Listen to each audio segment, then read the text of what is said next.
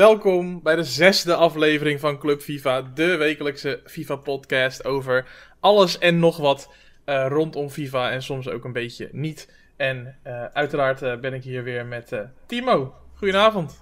Goedenavond, Steven. Goedenavond. ja, het is goed om hier te zijn natuurlijk. Um, deze week is de E-divisie afgetrapt. Dus dit is ook de eerste aflevering waarin wij de speelrondes kunnen bespreken. En uitgebreid over ja, de uitslagen kunnen praten. En wat er allemaal is gebeurd natuurlijk. Dus ja, ik heb er uh, sowieso heel veel zin in, in vanavond, Steven. Ja, zeker.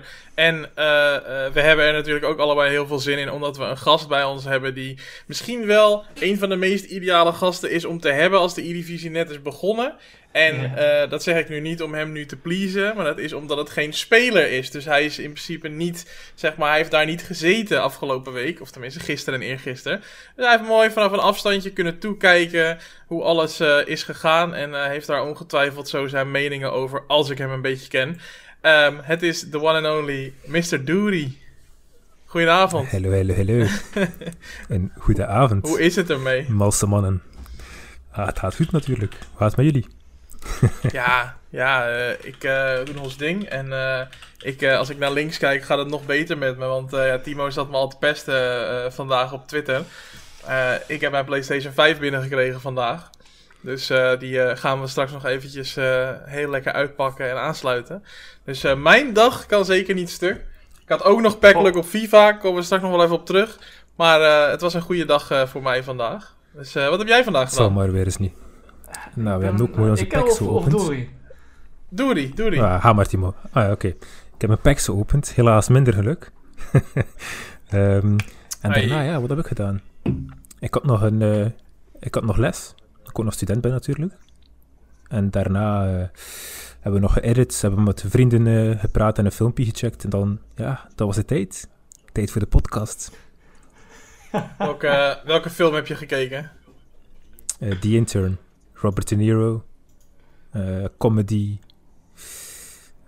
ja, het is een oude man van 70 jaar die plots als intern, Nederlands, sta stagiair, gaat gaan werken in een bedrijf. Oké, okay, oké. Okay. Aanrader? Uh, als je van comedy houdt en Robert De Niro ook wel een sympathieke man vindt, dan is het zeker een aanrader. Oké, oké. Okay, okay. Duidelijk, duidelijk. En Timo, jouw dag? Ja, ik um, had twee sessies vandaag met uh, spelers. Um, prima. Allebei Deens trouwens. Dus dat is mooi. We, we coachen soms ook een beetje uh, Deense team Aalborg, wat op dit moment eerste staat met 15 punten. Dus uh, ja, het is belangrijk dat je die jongens steunt hè, door de hele week lang. En uh, voor, de rest, voor de rest, um, ja, daarna even rifles gespeeld natuurlijk. Um, team is niet veranderd. Even kijken of ik het nog kon. Want ik heb uh, woensdag gespeeld op mijn vriendsaccount. Want met hem heb ik een deal. Ik speel zijn rifle spotten. Zijn overige als hij mij objectives doet.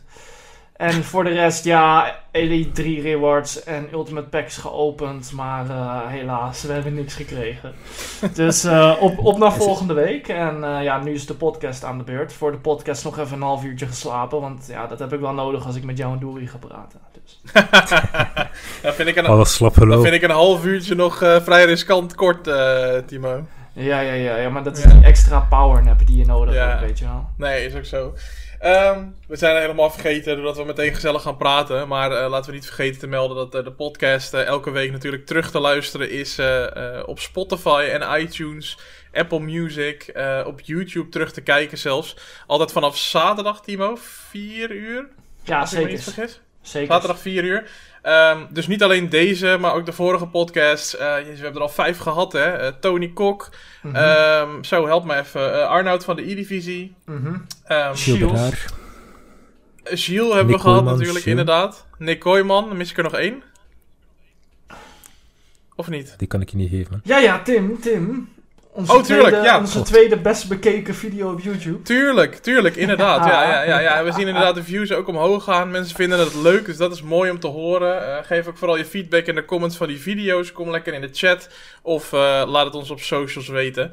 Um, voor nu is dit in ieder geval aflevering 6. En uh, beginnen we altijd de podcast met de aftrap. Zoals elke voetbalwedstrijd ook met een aftrap begint.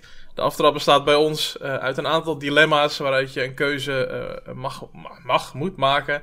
Um, en niet te veel nadenken, gewoon lekker eentje kiezen, Doeri. En dan gaan we daarna nog even kijken of er wat interessante keuzes bij zaten.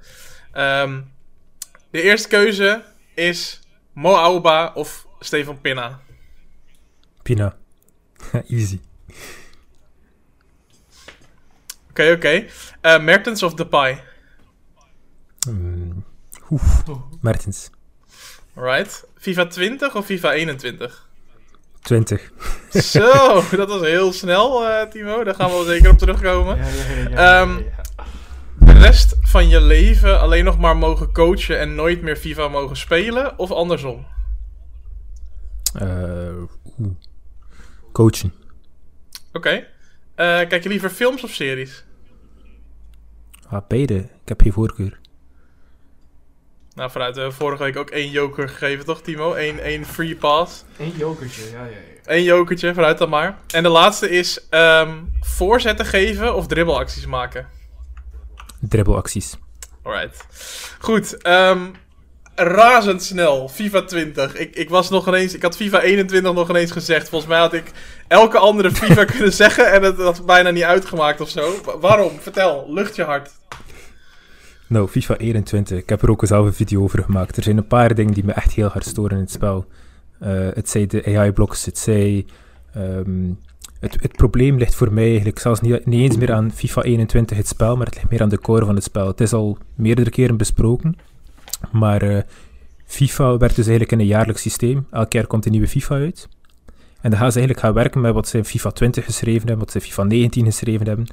En daar gaan ze wat extra dingen aan toevoegen, wat elementen uithalen. In de programmeercode, dan praat ik echt over programmacode. Mm um, en op die manier kom je dan tot het nieuwe spel. En het, we hebben nog steeds code die op dit moment in FIFA 21 zit, die in FIFA 13 geschreven werd.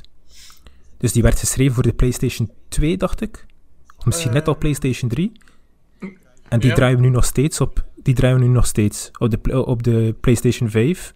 Draaien we nog steeds diezelfde code of delen van die code. Uh, dat zorgt er dus voor bijvoorbeeld als je.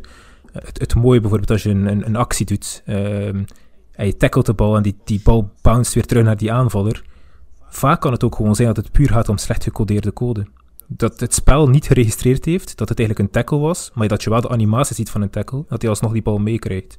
Dat zijn die glitch-acties in, in, het spel. En dat gaan we, hoe langer het duurt, hoe meer we dat zullen meemaken. Want um, ja, elk, elk jaar komt er een nieuwe versie uit. Dus elk jaar wordt er weer opnieuw code geschreven, weer opnieuw wat mm. code herbruikt.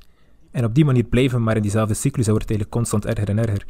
Uh, dus voor mij, om FIFA 22 weer een hit te maken, uh, moeten ze eigenlijk gewoon volledig afstappen van, van het spel. En moeten ze eigenlijk al gaan werken in een, in een soort League of Legends CSGO systeem, waar je dus een base game hebt en die constant patcht en update. En dan kan je in FIFA 23 bijvoorbeeld een uh, squad uh, update pushen, -hmm. om dan zo weer een, ja, om zo weer het spel nieuw te maken en FIFA 23 over te gaan of FIFA 22 over te gaan. Yeah dat, dat is ook meteen de oplossing voor mij. dus ik, ik, heb een probleem wat, wat het doet, maar dan ook meteen de oplossing eraan. Want dat is dan ook wel belangrijk. Veel mensen zeggen van ja, FIFA 20 is slecht, FIFA 21 is slecht, 19 was slecht, maar geef ook argumenten of dingen hoe het beter kan. En dat is de enige manier hoe we ook vooruit kunnen gaan, denk ik. Oké, hoe kijk jij er tegenaan, Timo? Ja, wel, eh, ik vind wel dat uh, Dory goede punten heeft. Ik moet eerlijk zeggen dat ik 21 iets leuker vind dan 20. Maar je ziet wel heel erg duidelijk dat sinds voor mij was FIFA 18 um, de doorbraak waar ik zag van oké, dit gaat elk jaar gebeuren. En dat was FIFA 18. De eerste twee weken, voor mij, was dat de beste FIFA ooit. Um, gameplay was helemaal manual. Je had ook echt uitslagen 8-0, uh, 10-0, 11-1 als je beter dan iemand was, dan was het gewoon klaar. Uh, tackles gingen goed. Ik kan me geen foute tackles herinneren in de eerste twee weken van FIFA 18. Toen kwam die patch. Toen kwamen autoblocks meer in, meer AI, uh, eh, slechtere tackles. En toen kwam FIFA 19. Eigenlijk precies hetzelfde gebeurde er. Weer met die, met die patch of hoe langer die game is, hoe, hoe meer fouten je terug gaat zien. Uh, toen kwam FIFA 20. Ehm, voor mij was FIFA 20 gewoon... Ik kon die game niet uitstaan wat Dory heeft bij 21. Ehm, en ik ben ook vrij vroeg gestopt met die game. Uh, in de zomerperiode al. En nu is 21 weer. En um, wat ik leuk vind aan 21 is dat je op verschillende manieren weer uh, doelpunten kan maken. Dat je iets meer kan skillen dan in 20. Um, en ja, op een of andere manier vind ik het leuker. Omdat ja, niet iedereen met zo'n dropback formatie speelt. En je er gewoon makkelijker doorheen komt. Wat voor mij um, heel belangrijk is, creativiteit. Mhm. Uh, maar ook dit jaar is weer met uh, patches dat de game toch weer achteruit is gegaan. Want het is niet meer helemaal dezelfde game als die we aan het begin hadden toen die net gereleased was. Um, de AI-blocks die zijn veel en veel meer aanwezig nu. Um, het afmaken is iets meer inconsistent geworden. Um, aan het begin ja, schoot ik alles erin. Mensen zeiden zelfs dat uh, keepers er niet toe deden. Nu zie je keepers wel hele mooie reddingen maken. Heel veel reddingen. Ik heb ook veel wedstrijden weer dat ik gewoon 18 schoten heb. En mijn tegenstander 1. En dat ik soms gewoon 1-0 achter sta in de Weekend League. En uh, ja, dat had ik in de eerste 2, 3 weken niet. Maar ja, elk jaar komen we wel. We zitten wel gewoon vast in dezelfde cirkel. En um, ja, ik ben benieuwd nu met PlayStation 5 en hoe ze dat gaan doen in FIFA 22. Of ze inderdaad Mhm. gewoon uh, die game in een ander systeem gaan gooien. Of gaan coderen, zoals Dory net heeft gezegd. Ja, want, Want uh, het is wel nodig. Want anders blijven we in diezelfde, in diezelfde cirkels zitten. Mhm. Want uh, Doeri, jij oppert uh, uh, inderdaad een systeem waarin je gewoon een base game hebt die gewoon geüpdate wordt en één keer in de zoveel tijd. Dus dan zal er waarschijnlijk inderdaad met de winterstop transfers en met de zomerstop transfers zal er een grote update gepusht moeten worden. Uh, zoiets heeft Pro Evolution Soccer natuurlijk uh, uh, gedaan. Of de Pro Evo eFootball of zo. Ik weet niet hoe die game tegenwoordig heet. Ik noem het nog steeds PES. die hebben geen nieuwe game uitgebracht, maar die hebben gewoon een update uitgebracht. Um, hebben jullie toevallig van mensen in jullie omgeving gehoord? Van, zijn er mensen van FIFA naar, naar, naar Pro Evo gegaan? Ook om die specifieke reden? Of, want dat hoor ik dus nog niet zoveel. Dus PES heeft het gedaan. Dat is een gewaagde keuze geweest. Maar ik hoorde nog niet echt veel mensen over dat ze nou daardoor FIFA links laten liggen of zo. Dat gaat ook niemand doen. Er gaat niemand FIFA links laten liggen voor PES. In mijn, in mijn ogen dan. Nee. nee, je moet het zien als... Je moet het zien als... Ik, weet niet of iemand van jullie twee rookt. Maar als je rookt en je rookt een bepaald merk van sigaretten. Ook al gaan ze dan met 50 cent bijvoorbeeld duurder worden. De, die, die mensen blijven diezelfde sigaretten roken. Ze gaan niet plots switchen naar, een, naar een andere sigaret. Ja, maar zo, zo, simpel, zo simpel kan je het eigenlijk gaan stellen. Ja. Je kan FIFA zien als een verslaving bijvoorbeeld. En dan PES is het alternatief. Mm -hmm. Maar niemand gaat voor het alternatief. Ook al zou die game 30 euro kosten en FIFA kost 60. Ja. Niemand switcht over. Ja, dat is de situatie nu ook. Hè. Die update kost volgens mij echt 20 of 25 euro of zo. En dan heb je gewoon alle nieuwe spelers weer, alle nieuwe selecties. Alleen de game is dus bijna hetzelfde gebleven. Omdat ze zeggen, we werken nu uh, aan de volgende versie van PES. Uh, op de PlayStation 5 en de Xbox Series X. Dus ze zijn heel hard aan het werken aan de next gen. Dus ze hebben nu geen tijd gestoken in uh, deze versie van PES. Mm -hmm. um, dus waarschijnlijk gaan ze gewoon wel weer met een nieuwe game komen. Maar gaat er denk je ooit überhaupt zo'n systeem komen... waarbij we dus maar een paar tientjes per jaar hoeven te betalen voor een nieuwe, voor een nieuwe game? Of blijven ze gewoon lekker die 60 euro melken elke keer? Ik wil nog heel even inhaken op PES. Um, PES heeft ja? vol, vorig jaar wel, wel echt uh, de kans van hun leven gekregen... toen uh, Kurt verbannen werd en hij PES ging streamen op Twitch. Mm -hmm. Want op dat moment zijn zoveel FIFA-spelers, waaronder ik ook even... Um, die PES gingen spelen op dat moment. Ja. En um, ja, op dat moment moet je eigenlijk toeslaan.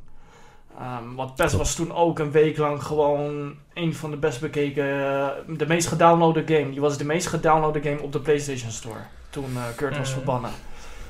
ja, dat is dan dat moment om toe te slaan. Maar ja, weet je, wij zeuren soms dat FIFA gameplay langzaam is.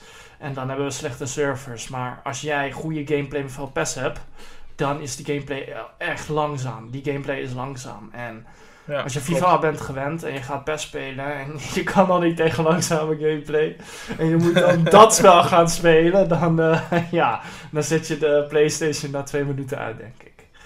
Ja. En ja, okay, het, dus het, is gewoon zo anders al, allemaal. Het alternatief voor FIFA is eigenlijk minder goed, dus we zullen wel bij FIFA blijven. Dat is eigenlijk de conclusie. Ja. Ja, maar met het systeem dat je zei, dus, of FIFA daar ook naartoe gaat, het is, ik heb met mensen die binnen EA werkten ook eh, gewerkt hebben en die nog steeds werken, daar ook over gesproken. Hmm. En ook zij zeggen van eigenlijk wij pushen het ook. Wij vragen het aan onze oversten wel. om dit door te krijgen. Maar het is dus echt van hogere hand vanuit, manage vanuit management. Dat ze zeggen van nee, en dat komt in mijn ogen, dat, dat is dan niet hun woorden, maar mijn woorden dan. Gaat het puur om het eh, financiële gedeelte. Ja, en toch zou je denken, als ze al, nou ja, goed, nu ligt natuurlijk het, eh, het FIFA Points en zo liggen ook onder vuur, maar ik zou toch denken als je een game mode hebt waarmee je al zoveel geld verdient, kijk, ze hebben meer geld verdiend met, met de verkoop van FIFA Points en dergelijke dan met de verkoop van de game. Eh, ja, dan, dan moet je toch ook wel een klein beetje kunnen inleveren op die verkoop, denk ik. Ik kan me gewoon niet voorstellen dat ze daar dan zoveel verlies over zouden leiden. Eh, ik denk juist dat je het aantrekkelijker maakt als je zegt in plaats van 60 euro nieuwe game, eh 30 euro gewoon nieuwe database en je kan er gewoon weer tegen, tegenaan. Maar ja, goed. Iedereen eh, koopt dan is de vraag, Iedereen dan, moet de game, toch? dan moet de game perfect zijn. Dat Ja, ja, dat is waar. Dat het is waar. maakt echt niet uit wat ze doen. Ze, weet je, Ja, oh, nu- precies. Nu, nu, nu, nu, we het hierover hebben, hè, het maakt echt niet uit wat ze doen. Die game wordt toch gekocht.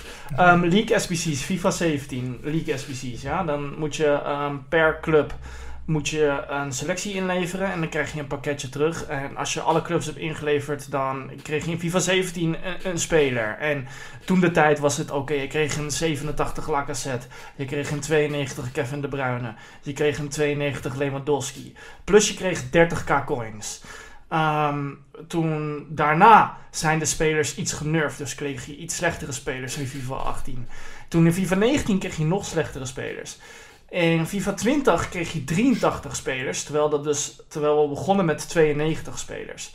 En nu in FIFA 21 krijg jij geen speler. Je krijgt niet eens een 82 speler. En vroeger waren, kreeg je ook hele goede packs uit die League SBC's. En nu krijg je niet meer goede packs. En ook al krijg je niet een goede pack, de pack is zelfs untradable. Dus ze kunnen alles doen. Ze kunnen alles nerven. Ze Klopt. kunnen je alleen maar slechtere packs geven, slechtere dit. Ze kunnen alles untradable maken. Ze kunnen volgend jaar eh, Weekend League Rewards untradable maken. Mm. Ehm, iedereen blijft het spelen. Het, het maakt echt niet uit. Ze kunnen met alles wegkomen. Het is gewoon zo. Het maakt niet uit. En iedereen kan boos worden, maar de volgende dag spelen we het allemaal weer. Dus ehm, Ja, ja. ja. Nee, ja dat, dat- daar hebben we het natuurlijk al vaker over gehad, inderdaad. Ik zie het ook in de chat trouwens. eh, Dutch Girl Gamer zegt inderdaad ook: al is, al is het 80 euro, mensen kopen het toch wel. Eh, FIFA is veel groter eh, dan Pro Evolution Soccer. Of Eve Mhm. Soccer, Football, whatever. PES gewoon. Ja, nee, maar ze het heette altijd PES en het heet nu opeens e-football volgens mij. En dat is een term die ik sowieso liever niet gebruik, want ik vind het echt lelijk. Maar in ieder geval, ehm, goed, ik denk dat we inderdaad eh, ons punt duidelijk hebben gemaakt. Ehm, maar goed, als we FIFA dan een keertje zat zijn, eh, dan eh, spelen we soms ook nog wel eens wat anders. Tenminste, dan spreek ik voor mezelf. Jullie zijn natuurlijk wat fanatiekere spelers dan ik. Dus we waren eigenlijk ook wel benieuwd. En daar beginnen we eigenlijk tegenwoordig elke week mee. Even een stapje terug. Wat doe jij eigenlijk, Doeri, als je geen FIFA aan het spelen bent? In gaming of in, het, in algemeen dan? Mag allebei, hobby's of andere games die je speelt. Ik speel er nu relatief veel Among Us. Eh, Oké. Ja, ge- geniaal spel waar je zeg maar met, ja, voor de mensen die het niet kennen, waar je met een eh, negen vrienden of negen random personen in een, in een lobby joint en dan heb je één of twee moordenaars onder jullie. Eh, en dan moet je proberen te ontmaskeren wie de moordenaar is. Zo simpel het is. Heel simpel spel. Ik denk dat het iets van 3 of 4 euro op Steam ook is. Ja. Gratis op, mobiel, gratis op je mobiel. Dus het is heel toegankelijk voor iedereen om te spelen. En het is echt ook gewoon leuk. Waar je mensen moet proberen op hun leugens te betrappen. eh, big brain proberen zijn. Eh, dus dat, dat zijn wel de dingen die, die, die, die ik dan leuk vind om eh, toch even te tonen als je ja. boven iemand anders boven zweeft. We hadden het, eh, eh, volgens mij was dat met, eh, was dat met Nick, eh, Timo, dat we het hadden over een keertje misschien Warzone met wat eh, E-divisie spelers spelen, omdat die game zo populair is. Oh, ja. Maar eh, ik, eh, ik zie ook wel een, eh, ik zie ook wel een Among Us, eh, Among Us met E-divisie spelers. eh. Ja, ja, ja, ja. Sowieso. dat sowieso, die e-sporter van Ajax is een leugenaar. Oké, oké, goed, maar Among Us dus. En eh, heb je verder nog eh, dingen die je doet? Ach ja, ik, ik ben wel iemand die heel fanatiek uh, bezig is met het, met coachen en het analyseren van games en zo. Dus ik, ik, ben ook wel altijd aan het kijken van hoe kan ik mezelf verbeteren. Of tenminste in de, in de scene, hoe kan ik me beter plaatsen. Ik ben onlangs begonnen met YouTube-kanaal, waar ik een nieuwe serie op ga lanceren. Daar zien jullie binnenkort wel de eerste video van op gelanceerd zien ook. of daar zien jullie tenminste de eerste video binnenkort wel van. Haal ik de meest interessante, de grootste content creators eigenlijk binnen FIFA. Of mensen buiten FIFA die ook FIFA spelen. En dan gaan we eigenlijk die game analyseren. Heet ook Analyze to Glory. Uh, geïnspireerd op het principe van Road to Glory. Oké. Okay. Uh, dus daar zijn we ook mee bezig. Ondertussen, uh, ja, we werken samen met wat bedrijven. eh, om wat eh, content te voorzien voor hen, op FIFA-gedeelte dan. Eh, maar ook in e-sports. Daarom doe ik ook wat consultancy bij verschillende bedrijven of teams die, die hulp nodig hebben binnen FIFA of binnen e-sports die het nog niet zo goed begrijpen wat het is. Um, ja, hobby is natuurlijk ook student zijn. ook belangrijk. Uh, ik studeer nu marketingcommunicatie aan de hogeschool. Uh, dat is mijn tweede bachelor. Ik had al een bachelor in uh, toegepaste informatica, software management. Daar kruipt ook natuurlijk wel wat tijd in. en daarnaast werk ik ook gewoon nog. Dus na, naast al het FIFA-gedeelte, al het studeren, werk ik ook gewoon een paar halve dagjes links en rechts om ja, de kastenspace zeggen ze dan in het Nederlands. Ik weet niet hoe het gaat in Nederland zelf, maar uh, hier in Vlaanderen... Uh... Brood op de plank, uh, om brood op de plank te brengen. Pre precies. Ja. Nodig, Als ik het zo hoor, hebben we mazzel dat we twee uurtjes van jouw tijd hebben kunnen, kunnen vragen, Dory. Ik heb heel mijn planning aangepast aan dit. nee, nee, nee. Vandaag is een vrijdag. Nice, nice. Mooi. Oké, okay, nou goed om te horen. Leuke, diverse dingen ook naast FIFA. Vinden we ook belangrijk om aan bod te laten komen dat het niet uh, alleen maar FIFA spelen is natuurlijk. Maar er zit natuurlijk veel meer omheen. Goed ook, uh, leuk ook om te horen inderdaad dat je actief bent in de e-sport scene, ook met bedrijven en zo. Het is, het is natuurlijk redelijk hip, alleen heel veel bedrijven weten niet precies wat ze ermee moeten. Merk, ja, merk, jij dat, merk jij wel dat het, ja, dat, dat het dus ook populairder wordt? Heb je steeds meer bedrijven die interesse hebben ook de laatste tijd? Het, het, als ik het heb over bedrijven, heb ik het meestal over bedrijven, zeg maar bijvoorbeeld televisie. Hoe jullie bijvoorbeeld de NOS, hebben wij hier de VRT, die, die zijn vaak de Vlaamse radio en televisie, die komen wel voor wat hulp. Bijvoorbeeld van oké, okay, er komt een nieuwe FIFA uit, we willen een soort launchparty doen. Hoe zetten we dit in elkaar, hoe doen we dit? Uh, maar ook gewoon op FIFA-toernooien die nu plots wat meer interesse krijgen van de grote televisie-uitzenders, Proximus en Telenet dan in België. Mm -hmm. vergelijkbaar waarschijnlijk met Veronica, uh, ik, zou, ik zou geen andere televisiezender in Nederland kunnen weten, maar zeg maar die bedrijven, of Fox, Fox ja. die krijgen wat meer de interesse om uh, ook FIFA-toernooien uit te zetten, maar dan weten zij ook niet goed van oké, okay, hoe doen we dat? Op welke manier moeten we dit aanpakken? Uh, maar het gaat verder ook gewoon echt ja, uh, studentenverenigingen die zeggen van we willen graag een toernooi op, poten zetten. Hoe beginnen we daaraan? Welke, um, welke tools zijn er? Welke middelen? Dus het gaat heel divers, de vragen die ik binnenkrijg. Um, of ja, een bedrijf die zegt van oké, we willen een sponsoring aangaan met een bepaald e-sports team of we willen iets doen. Is dit wel een goed idee? Zijn we wel op de juiste weg? Welke games gaan we best gaan bekijken? Hoe kunnen we on onze audience bereiken? Dat zijn de dingen waar ik ook wel gewoon mee bezig ben. Dus ik merk inderdaad ook echt wel, echt wel een influx aan, vraag, aan vragen in het algemeen dan. Ja. Maar uh, ja, het zijn niet, het ga, je, je, zal me niet zien uh, plots bij al de grootste bedrijven, die, die komen niet aankloppen bij mij. Die gaan wel naar een... Uh, naar een echte instantie gaan die daarvoor doet. Maar dat is ook wel waar de toekomst denk ik ligt voor mezelf. In een iets meer een consultancy job binnen e-sports ook. Want ik denk uiteindelijk wel dat ik, dus, dat, dat ik de e-sports scene best wel oké okay ken. -hmm. FIFA gedeelte dan. Um, ik denk zeker dat er in die consultancy wel... Dat ik daar zeker mijn mannetje ga staan en ook de hulp kan bieden. Oké, okay. nice, nice. Leuk om te horen.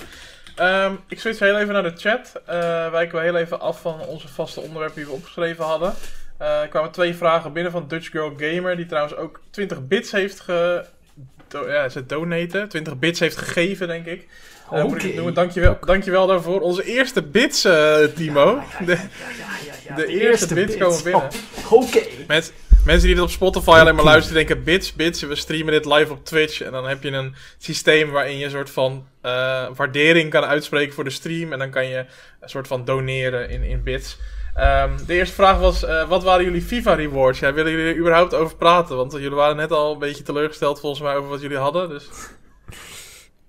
Tja, ga maar, Timo. Ja, ja ik, ik, heb niet, ik heb niet veel gepakt. Ik heb niet veel gepakt. Ik heb, ik heb 87 sommer gekregen in mijn Red Player Picks. Uh, de rest heb ik allemaal ingeleverd voor een 85 Herdaki. Mooi. Uh, ja, dat was het eigenlijk wel. Zonde, zonde. Ja, mee Red Picks. Het is zo erg dat ik ze zelfs niet herinner, man. uh, ja, ja ik, zeg, ik zeg het gewoon eerlijk. Ik weet nog Hakimi, die weet ik wel nog. Oh. Maar de andere heb ik, ik, ik, ik, heb oprecht geen idee. En dan uit de Inform packje was, of tenminste de, de Informs die ik pakte, Batshuayi en de Japanse spits 75 rated of zo. Ja, zoiets, ja. dus het was ook niet al te denderend. Er kwam wel nog een opblakje uit. Maar goed, ja, heb je ook niet veel aan, hè? Nee, ja. Oké, oké. ik, zie, ik denk dat je dezelfde had als, uh, als Dutch Girl Gamer in de chat. Ik had zelf een, ja, een Japanner en Vidal. dus, uh, van Gold 3. Prima. Ja, ik heb zelf geen Weekend League gespeeld, dus ik had alleen uh, Division Rivals reward van, uh, ik denk 10 co-op games of zo die ik vorige week heb gespeeld met een vriend van me. Ik moet wel zeggen, co-op echt leuk. Vind echt, uh, ja, daarvan maak ik me echt goed mee. Um, het enige wat ik een beetje gekkig vind is dat als je dus zeg maar, dus ik speel bijvoorbeeld met zijn team. En dan krijgen we daar dus allebei Division Rivals points voor. Dat vind ik eigenlijk een beetje een gek systeem. En aan de andere kant, je speelt wel allebei, maar stel hij heeft een veel beter team dan ik, dan kan ik dus even met hem grinden om snel die punten te krijgen. Dat voelt een Mhm. beetje gek aan, maar um, misschien, ja, ik weet niet, misschien denken jullie daar anders over. Um, ja. Ja, is het gek of is het logisch? Ik, ja? Ik vind het best, ik vind het best logisch. Uiteindelijk speel je ook gewoon rivals op dat moment. En uh, als je zeg maar zelf met jouw team zou moeten spelen, dan zou je eigenlijk gewoon... Stel dat wij twee nu zouden spelen samen. Want ik heb het gedaan met de Gas van Jory Show. Mm -hmm. Heb ik even co-op gespeeld. En um, ja, hij heeft een monster, hij heeft een monster team. nou, ik, uh, nou, hij heeft echt een monster team. Hij heeft R9. Um, wie had hij nog allemaal? Neymar, R9. Ja, zeg maar gewoon ja, een monsterteam. Ja. Veel meer kan ik er eigenlijk niet over zeggen. Uh, dus als ik dan ook aan het spelen ben, dan is, zou het maar raar zijn als ik mijn rival points niet zou krijgen voor een wedstrijd. Want ik speel uiteindelijk ook gewoon een wedstrijd rivals. Ja, dat is waar. Uh, maar aan de andere kant uh, is het inderdaad een klein beetje gek als je met iemand zijn OP-team speelt. Maar hij zat bijvoorbeeld in divisie 3 of 4, Mhm. dacht ik. 3 of ja, 3 en hij ging naar divisie 2. En ik zit in divisie 1. En wij kwamen alleen maar mensen uit die in divisie 1 zaten. Mm, Dus dat is dan wel het ding. Dan, Ja. neemt de, dan nemen ze de ho- hoogste divisie en dan uiteindelijk compenseert het denk ik wel eh, een beetje het Ja, eh, precies. cheat gedeelte. Ja, oké. Nee, dan, dan snap ik het wel inderdaad. Het enige wat me nog wel opviel is dat we best wel vaak tegen één iemand kwamen. Eh, dat, dat vond ik best wel vervelend eigenlijk. Maar ja, dat is maar gewoon wat het is. Omdat je anders misschien heel lang op een tegenstander moet wachten. Maar dat voelt wel een beetje... Je bent... Ik heb altijd het gevoel dat je... Als je heel goed op elkaar ingespeeld bent... Ben je met z'n tweeën in het voordeel natuurlijk. Want je kan gewoon betere acties maken. En beter verdedigen. Slimmer verdedigen. Aan de andere kant, ik merkte heel erg dat hij met de AI-blocking, zeg maar, dat zijn verdediging veel beter stond. Was echt niet normaal. We hebben echt tegen sommige gasten kregen we er geen bal doorheen gewoon. En die, die, die mensen bestuur, poppetjes bestuurde hij zelf niet eens. Dus dat vond ik wel een beetje dubbel. Dat is FIFA, ja. Ja, ook. Dat is FIFA. Dat is FIFA 21 ook gewoon, die AI-blocks. ja. Nee, maar goed, maar als je dan twee man hebt, zeg maar, als je allebei, als, als ze met z'n tweeën zijn, dan kunnen ze nog wel eens een fout maken. Alleen doordat hij in zijn eentje Klopt. was, was het vrij makkelijk om, eh, om te verdedigen. Maar Mhm. goed, eh, ik bedoel, dat zijn details. Maar eh, ja, nou ja, ik opende vanochtend mijn app omdat ik dacht dat ik mijn- mijn promo, eh, mijn packies had van me, omdat ik eh, de Ultimate Edition had gekocht. En toen zag ik dat ik nog Division Rivalry Award had. dacht ik, oh ja, ik heb vorige week gespeeld. Dat was ik eigenlijk helemaal vergeten, heel eerlijk gezegd. Dus dat waren twee 7,5k, eh, of nee, een 5k en een 7,5k pack, geloof ik. En eh, in die 7,5k pack zat Kluivert. Dus dat. Ja. Ja. Ja. mooi. Ja, Proficiat. Maar ja, ja. Dus ik, eh, ik had hem ook echt op mijn app geopend, weet je wel. Dat voelde toch bijna zuur dat je hem op je app opent of zo. Maar eh, ja, nou ja, goed. Maar ik kon het, ik, eh, laat ik zo zeggen, eerlijk is eerlijk, ik gebruik dus, ik, ik, ik steek geen geld in FIFA. Dus eh, ik kan het geld goed, ik kan de, de, de coins goed gebruiken om mijn team te upgraden. Dus wat dat betreft wordt het, eh, het wordt goed geïnvesteerd. Maar eh, ja, dat was, wel, dat was wel een beetje lucky. Dus het was vandaag mijn geluksdag, denk ik. Ik denk dat ik nu een week lang de deur niet uit durf, omdat ik anders... eh, denk ik eh, onder een bus loop of zo. Zoveel pech ga ik vanaf nu hebben. Maar eh, ja, was wel bizar. Maar- ik heb vorig eh, jaar ook een keer gehad. Uit een hele goedkope pack een, eh een Seedorf gepakt. Ongelooflijk. Dat is wel een puntje. Eh, Je zegt zelf dat je zelf niet veel gespeeld hebt de laatste week, behalve wat, eh, Mhm. behalve wat Rivals Coop. Ik heb het ook al gemerkt. ehm, op het moment dat je weinig speelt, dat je dan plots geluk hebt. En ik, ik, ik gebruik expres de, de quotes hier, Ja. Om, om, omdat ik nog steeds geloof, en daar geloof ik ook gewoon heilig in, dat, eh, dat, er, dat de kans niet altijd even groot is op een goede speler. Laat het me zo zeggen, dat er een aangepaste, aangepast wordt. Als je bijvoorbeeld een lange tijd niet op die game geweest hebt dat je, en dan een pack opent, dat je dan een goede speler krijgt om je dat weer terug te krijgen. Ja. Zo, zo zie ik het natuurlijk. En het zou ook slim marketing geweest zijn natuurlijk. Maar het feit dat er geld mee gepast, aan, aan te pas komt ook, dat, dat maakt het allemaal eh, iets lastiger. Ja, zeker. Nee, dat, dat heb ik al vaker gehoord. Dat heb ik vaker gehoord. Ik wil hier even op inhaken. Vorig jaar toen had ik echt een tijdje niet gespeeld.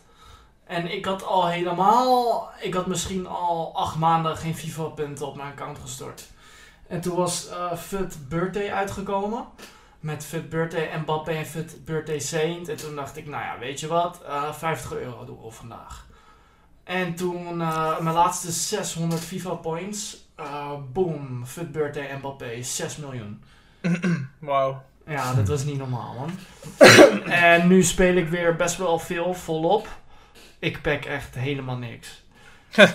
ja, man. Nou, ik, ik, ik geloof daar ook in. Ik geloof daar ook in. Maar, Het is logisch ook. maar het is zeker logisch. Zo, zo werkt het gewoon. Eh is ook Ja. met andere spellen zo. Ik, ik weet niet, Timo, in hoeverre je het RFM kent. RFM eh, Nee. eh, iets, iets wat wij geleerd hebben. Maar dus ze kijken naar hoe recent geleden je iets gekocht hebt, Mhm. hoe frequent je iets koopt. Dus bijvoorbeeld eh, je laatste aankopen, hoe lang liggen die uit elkaar? En dan eh, je money of je value, hoeveel je uitgeeft Mhm. per aankoop. En daarop kunnen ze eigenlijk gaan baseren van oké, er is een schaal, die persoon koopt heel weinig bij ons, maar die koopt wel altijd aan bijvoorbeeld 20.000 euro, bij, bij wijze van spreken natuurlijk. Eh, Ik zie niemand 20.000 euro in FIFA-punten kopen, mag ik hopen. Eh, maar eh, die koopt één keer per jaar bijvoorbeeld 20.000 euro, dan kunnen ze een bepaald profiel opstellen voor die persoon. Of iemand die 50 euro bij elke grote promo koopt. Dat kunnen ze allemaal achterhalen. En op die manier kunnen ze dat wat beïn- beïnvloeden en wat besturen. En daar geloof ik echt gewoon... Ja, dat, geloof ik ook echt. Want het is ook gewoon... Laat me zo zeggen, EA is een enorm bedrijf. EA werkt met de nieuwste technologieën altijd. En ik geloof ook dat daar ook die psychologische stukken daar ook echt in gebruikt worden. Oké. Oké, helder. Ja, nou ja, wie weet, ja, we zullen het waarschijnlijk nooit weten, behalve als er eh, iemand een keer daarin weet te duiken in de codes van EA, maar ik denk dat de kans dat dat gebeurt heel klein is. Ehm, Overigens had Dutch Girl Gamer bij het eh, doneren van haar bits, eh, had ze nog een vraag gesteld, maar ik stel hem heel even uit. Dat lijkt nu heel erg eh clickbait om te blijven kijken. Maar eh, ik, we hadden al zeg maar ingecalculeerd om aan het einde misschien een klein beetje advies mee te geven voor spelers die moeite hebben met bepaalde dingen. Misschien dat we een klein beetje tips. Er zitten er twee coaches. We gaan natuurlijk niet alles weggeven. Deze jongens eh, hebben natuurlijk ook hun geheimpjes.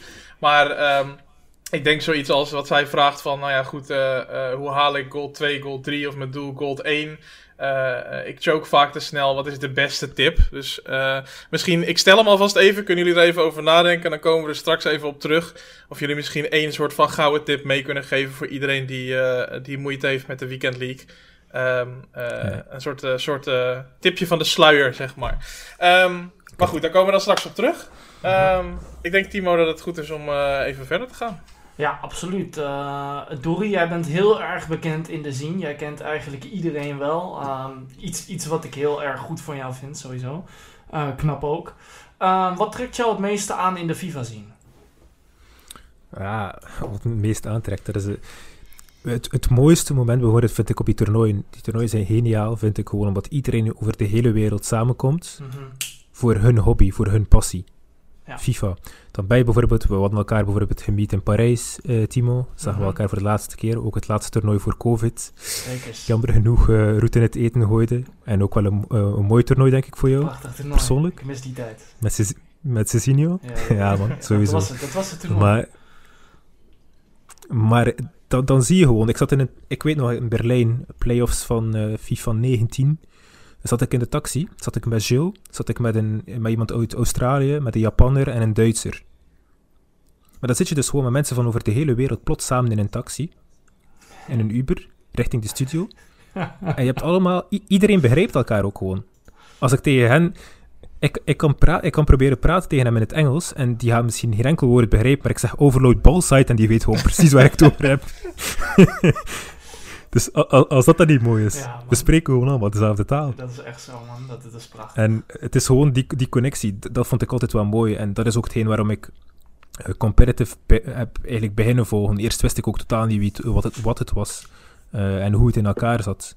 En eh, toen had ik een streamer die ik wel regelmatig keek en die kwam goed overeen met Tony Kok, eh e-sporter van PEC.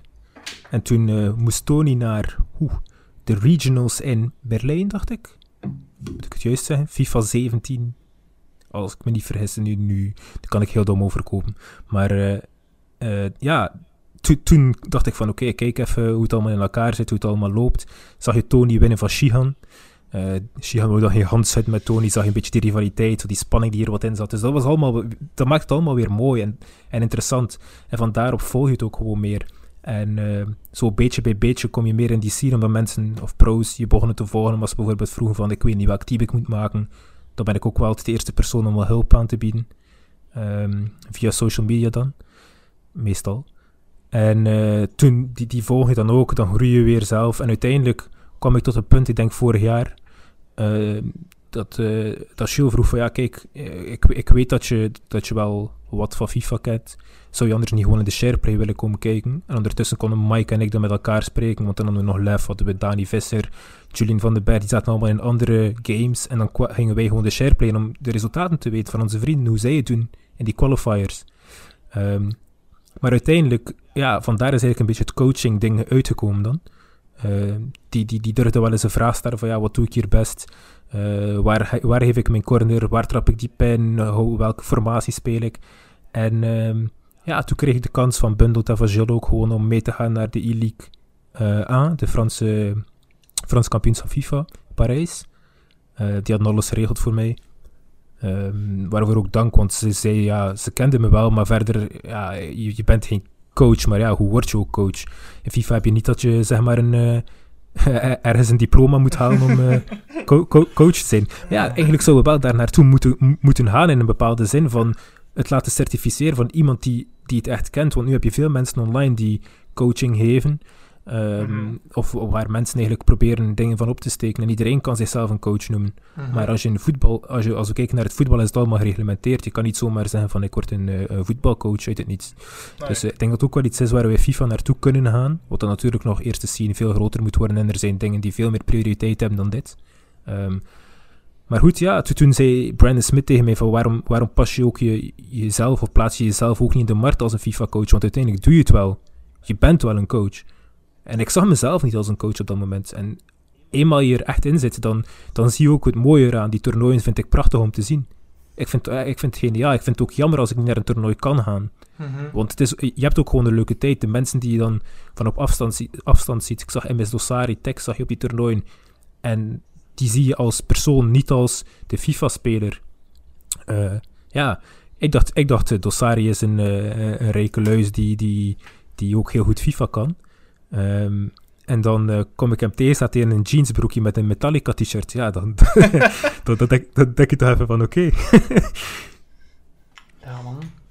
Nice. Maar goed, zo, Nice. ja, zo rolde ik er een beetje in, zeg maar. En ja, FIFA, voetbal, dat is ook de link die altijd blijft. We zijn, ik denk dat iedereen die FIFA speelt ook wel ergens een passie heeft voor voetbal, of ooit gehad heeft voor voetbal. Ehm, dus ja, het, het blijft nog steeds het dichtste wat bij voetbal aanleunt. Ja, ja, absoluut. Dat- maar dat is het ook. Dat is het ook. En, eh, ja, eigenlijk ben ik met alles eens. Want de internationale toernooien zijn eh, het mooiste. Het mooiste wat er is. En, eh, ik, ik had het ook gehad. Ik weet nog heel goed toen ik... ehm, in FIFA 17 heb ik elke FUT Cup gekeken via Twitch. Geen seconde gemist. Ik zat er altijd voor klaar. Dat was echt abnormaal. En toen FIFA 18 precies hetzelfde. Elke FUT Cup gezien. Totdat ik door Bundled werd gevraagd om analyses te maken van de tegenstanders voor, voor het WK, voor Jimmy. Ehm, nou ja, die analyses die waren toen zo goed dat ik eh, daar in FIFA 19 aan de slag kon als coach. Terwijl ik eh, mijzelf toen de tijd ook niet zag als coach. Ehm, ja, toen moest ik opeens daar aan de slag als coach. kwam ik tussen allemaal pro-spelers. Ehm, dus dat was best wel wat. Ik was eh, heel onzeker toen de tijd. Wat Eh, Timo, je moet even... Sorry dat ik je onderbreek. Je moet even je microfoon iets dichterbij. eh je valt soms een beetje weg. Yo. Oh, Oké, oké, oké. Hoor je me weer? Ja, dit is een stuk beter. Oké, ja, ik moet iets harder praten, denk ik. Dat kan ook, dat kan ook. Nou ja, vervelend. Maar nee, ik ben eens met Jules. De, de toernooien zijn het mooiste wat er is eigenlijk. En dat is eigenlijk ook wel wat ik het meeste mis op dit moment, de grote toernooien. En eh, ja, je wordt ook niet zomaar FIFA-coach. Veel mensen denken dat het wel zo is. Alleen, ehm, ja, ik vind wel dat je, je... Je moet wel iets hebben bewezen, weet je wel. Ehm, of je, je moet een bepaalde impact hebben wat niemand anders heeft. Wat iets extra brengt naar de spelers of naar eventueel een organisatie. Ehm, ik weet nog heel goed, toen ik FIFA 17 keek ik elke FUT Cup. Uh, toen dacht ik, ik wil hier zo graag bij zijn. Toen kwam FIFA 18, keek ik elke FUT Cup. Had ik nog steeds dezelfde droom. En aan het eind van FIFA 18 werd ik gebeld toen door Bundled. Uh, of ik analyses wou maken voor Feyenoord, voor Jimmy HD tijdens het WK. Mhm. Nou ja, analyses gemaakt. Analyses bleken best goed te zijn. Dus ik mocht uh, in FIFA 19 coach worden. Nou ja, toen kwam ik bij Bundled als coach, als groentje. Uh, bij allemaal pro-spelers, beste spelers van Nederland, beste spelers van België, noem maar op. En ik kwam daar een beetje als groentje, dus ik had toen heel veel onzekerheid. Is natuurlijk ook wel logisch, want ja, wat ga je die gasten vertellen als je zelf niet eens uh, 27 winst in de weekend niet kan halen? Um, dus dat is moeilijk. Dan moet je je even bewijzen. Dan moet je even staande houden um, met wat jij kan brengen, wat jouw kwaliteit is. Um, nou ja, met, met, sommige jongens die kenden me al wel. Dus dat ging iets makkelijker. Uh, met sommige jongens ging het heel moeizaam. Uh, uiteindelijk ook qua coaching in Boekarest, FIFA 19, mijn eerste toernooi als coach. alles verloren met Tony Kok. Daarna uh, Flavio, Braziliaan, gecoacht. Alles verloren toen ik hem ging coachen. Um, ja, toen zakte ik wel door het ijs, man. Toen werd er ook gewoon tegen mij gezegd van... ...joh, jij kan niet coachen, misschien moet je maar wat iets anders gaan doen. Um, nou ja, dat was wel even een lekker momentje dat ze dat tegen mij zeiden. Want daar heb ik zoveel motivatie uitgepakt... ...dat ik de eerste beste Fut Cup daarna kampioen ben geworden. Dus, uh, nou ja, ja, het is allemaal goed gekomen, maar, weet je wel. Maar uiteindelijk weet je ook wat je wilt als coach... ...met welke spelers je wil werken en wat je van de spelers wilt terugkrijgen en wat jij wilt geven. En daar groei je naartoe. Dat is het belangrijkste. Dat groei, daar groei je naartoe. Dat is het allerbelangrijkste wat je daar zegt. het, hangt af van, het hangt ook gewoon veel af van de speler. Wij kunnen niet doen wat de speler doet. Anders hadden we het zelf gedaan, waren we zelf spelers geweest. Ja, wij hebben hun niveau niet. Nee. Zo simpel is het. Maar wij kunnen wel iets bijdragen om net te zorgen dat, dat ze die extra stap, die, die extra... Ik zie het altijd zo. Je hebt 100%, dan ben je zeker dat je wint. Maar niemand heeft 100%. Niemand is 100% zeker dat hij je wedstrijd wint. Je bent, je bent het nooit zeker. Ja. Als je 70% zeker bent dat je wedstrijd wint en je hebt een coach bij je die vertrouwt, waar je op kan bouwen, die er ook wat van kent, mm -hmm. kan die 70% plots 80% worden. En dan is het maar 10% die vooruit gaat, maar die 10% kan wel cruciaal zijn. En dat weet je niet. Dat kan je, ook, je kan het ook niet gaan bewijzen. Want elke speler is anders en iemand, iemand kan je vertrouwen, iemand kan je niet vertrouwen. Mm -hmm. Daarom heb ik ook, ik ben door verschillende teams gevraagd al van, ja, zou je niet uh, onze hoofdcoach willen worden? Maar als het spelers zijn waar ik geen persoonlijke band mee heb, dan doet het er ook niet toe. Uh, als, je geen, als je geen persoonlijke band hebt met een speler, als je niet kan van oké, okay, kijk, wij kunnen het met elkaar vinden, we hebben een gelijk idee. Als ze geen Ja. respect hebben voor jou als coach en die luisteren dan toch ook niet na- naar wat je te zeggen hebt, ja, d- wat doe je er dan? Mhm. Maar Ja. ik, ik, vind het wel, ik vind het wel een interessant onderwerp. Want eh, wat je net zegt van... eh, als, we zel- als we het zelf zouden kunnen, dan zouden we het zelf doen. Dan waren we geen coach geworden. Eh, dan waren we wel speler. Ehm, ik, ik, kom zelf... eh, tenminste, ik zit zelf heel veel in de League of Legends scene. Daar is deze discussie ook best wel vaak. Er zijn, er zijn namelijk coaches, eh, managers van teams... die zelf niet een heel hoog elo zijn. Dus in, in, in een league heb je silver, gold, platinum, diamond... Uh, en vaak zijn de professionele teams sowieso diamond en daarboven, zeg maar. Dan heb je sommige coaches die zelf op gold niveau spelen of zelf op platinum niveau spelen. Uh, en dan wordt er vaak wel gezegd van ja, maar hoe kan hij nou coach zijn van een team vol met diamond spelers? Want hij, hij kan er zelf ook niks van. Uh, en bij voetbal, uh, makkelijker voorbeeld voor jullie misschien, uh, omdat jullie, ik weet niet of jullie league spelen, maar bij voetbal wordt natuurlijk ook vaak gezegd van liever een bondscoach of een trainer die zelf op hoog niveau heeft gevoetbald, uh, terwijl dat niet altijd per se de beste keuze is. Um, dus iemand die niet per se goed is in FIFA kan wel een goede coach zijn? Mag ik daar heel even op Ja, inhaken? Ja, ja. Um, er staat, op dit moment is er een documentaire op Netflix. Uh, dat heet de Coaching Notebook. Um, die Ja, moet je ja, maar checken, Dory.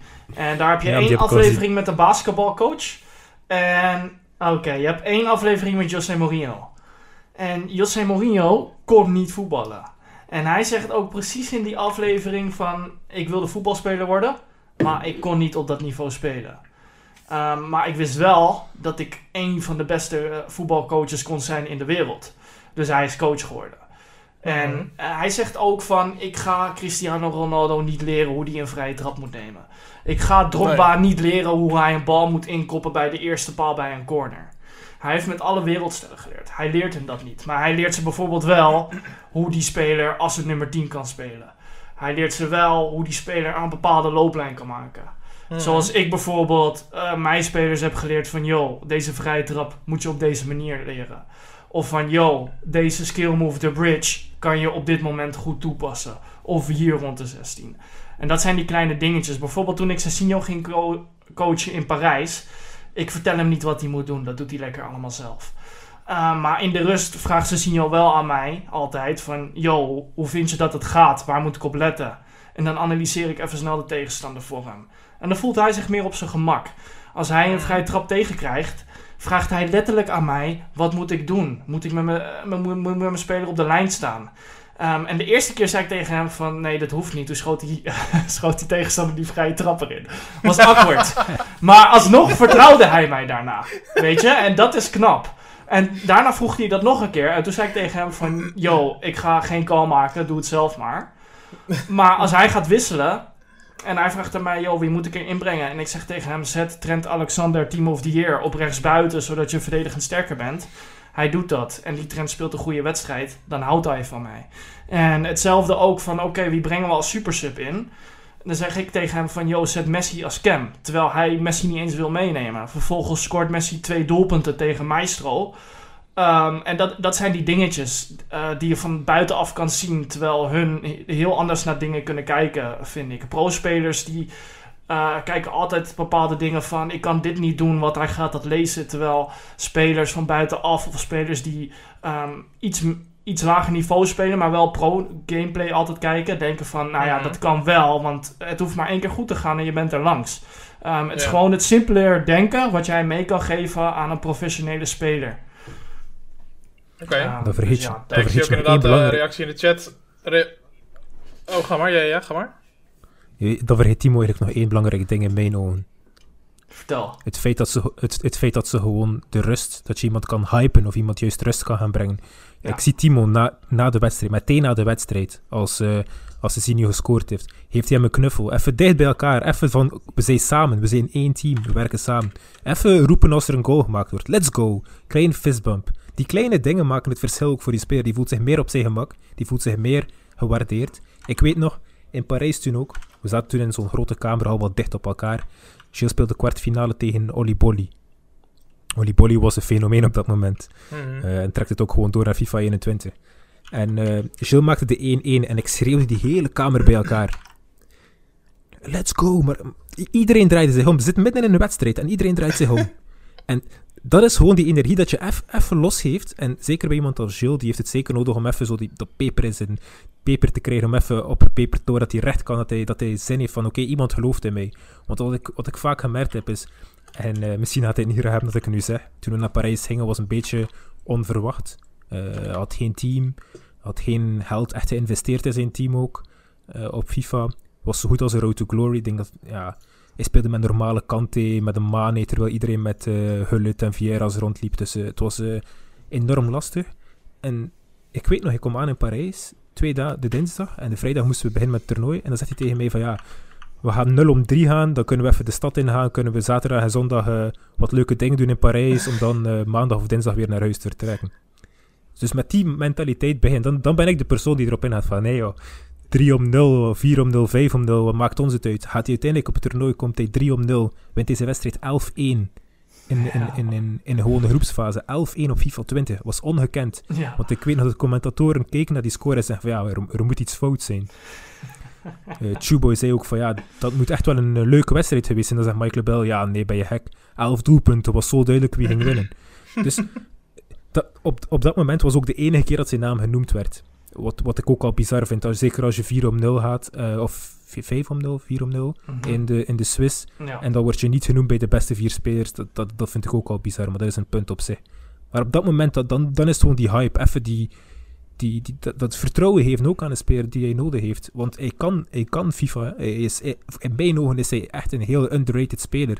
Maar het feit is dat hij misschien zelf wat te weinig vertrouwen heeft. En dan ben ik er ook wel om juist op dat moment extra peper te geven. Om te zorgen dat hij ook in zichzelf wat meer gaat geloven.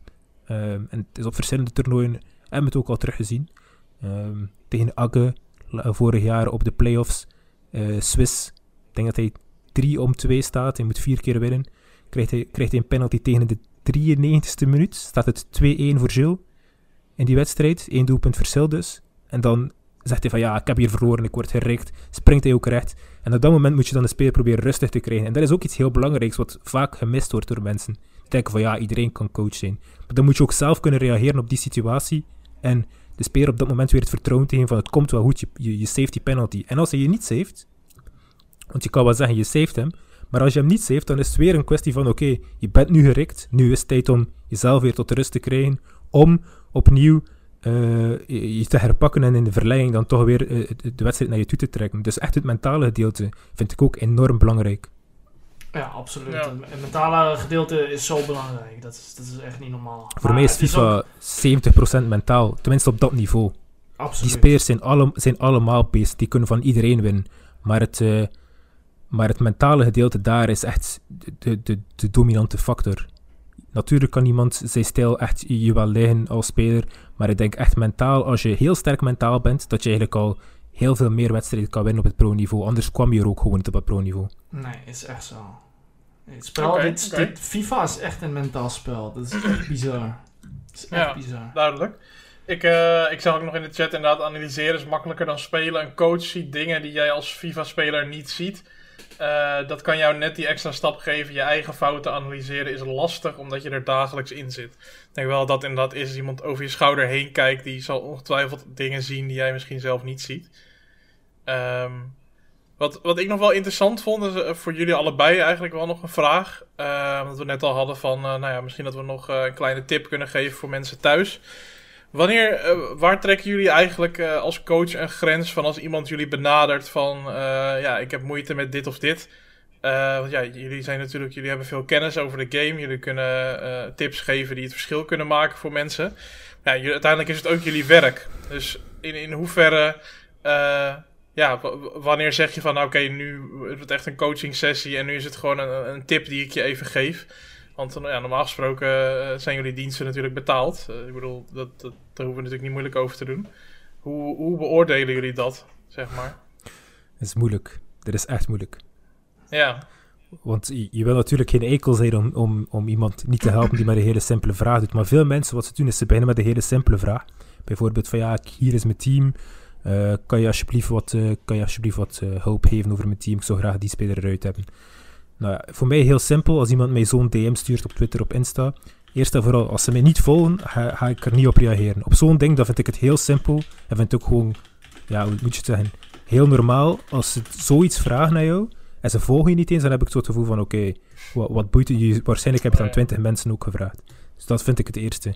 Verder, nou, vanaf er gameplay echt geanalyseerd moet worden, dus dat, dat mensen echt gameplay sturen en zeggen van, ja, wat doe ik hier fout, Wa- waar, loopt het mis, wat kan ik hier beter doen? Vanaf dan zeg ik ook van, kijk, luister, er is, dit, dit gaat al meer naar een, naar een coaching sessie. Eh, maar ik heb nu ook een Discord opgezet en ik zag dat Timo ook bezig was met een Discord, als ik me niet vergis. Mhm. Ehm, Ja. En daar ga, gaan we wel, ga ik dat wel, als iemand mij een team stuurt, dan, dan helpen we die. Als het wat over, meer over gameplay dingen gaat, kan er ook geholpen worden. Natuurlijk, ja, je moet de lijn trekken. En het is niet gemakkelijk om zomaar een lijn te trekken van oké, kijk, hier ga je te ver.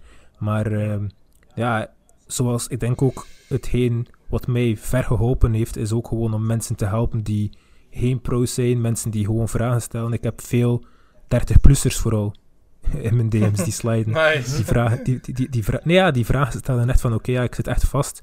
En dat zijn ook wel potentiële klanten, om het zo maar te zeggen, maar ik zie het ook niet als klanten, want sommige mensen hebben ook gewoon niemand om met FIFA over te praten. Op een Mhm. bepaalde leeftijd stopt iedereen gewoon met gamen ook. En dan vanaf, vanaf 35 eh, zijn er niet veel van je vrienden meestal die, die nog gamen. En dan zoeken zij iemand om FIFA mee te kunnen praten. En die hebben ze niet. En dan lopen ze vast en dan, Mhm. stop, dan haken ook die mensen af. Ja. Heb je ook veel 30-plussers in je DM, eh, Timo? Over FIFA dan bedoel ik? Um, ik heb coaching sessies via Team Gullet. En ik moet zeggen dat ik meer mensen heb die 25 plus zijn dan dat ik mensen heb van uh, 14, 15, 16, etc. Dus ja, um, ja dat, dat, dat valt me heel erg op. Ik heb ook echt, uh, ik heb ook echt al een man gehad van 50 plus een keer. Um, ja, die, die gewoon beter wilde worden. En ik heb ook gewoon een paar keer gewoon vaders gehad. Die dan uh, coaching sessies gingen halen voor zichzelf. Maar ook omdat ze dat dan weer door konden geven aan hun kinderen, et cetera. Um, dus ja, dat, dat is, is, dat mooi. Is mooi. Lachen. Lachen. Ja, dat, is, dat vind ik voor mij sowieso iemand die onder 18 is, ga ik niet coachen.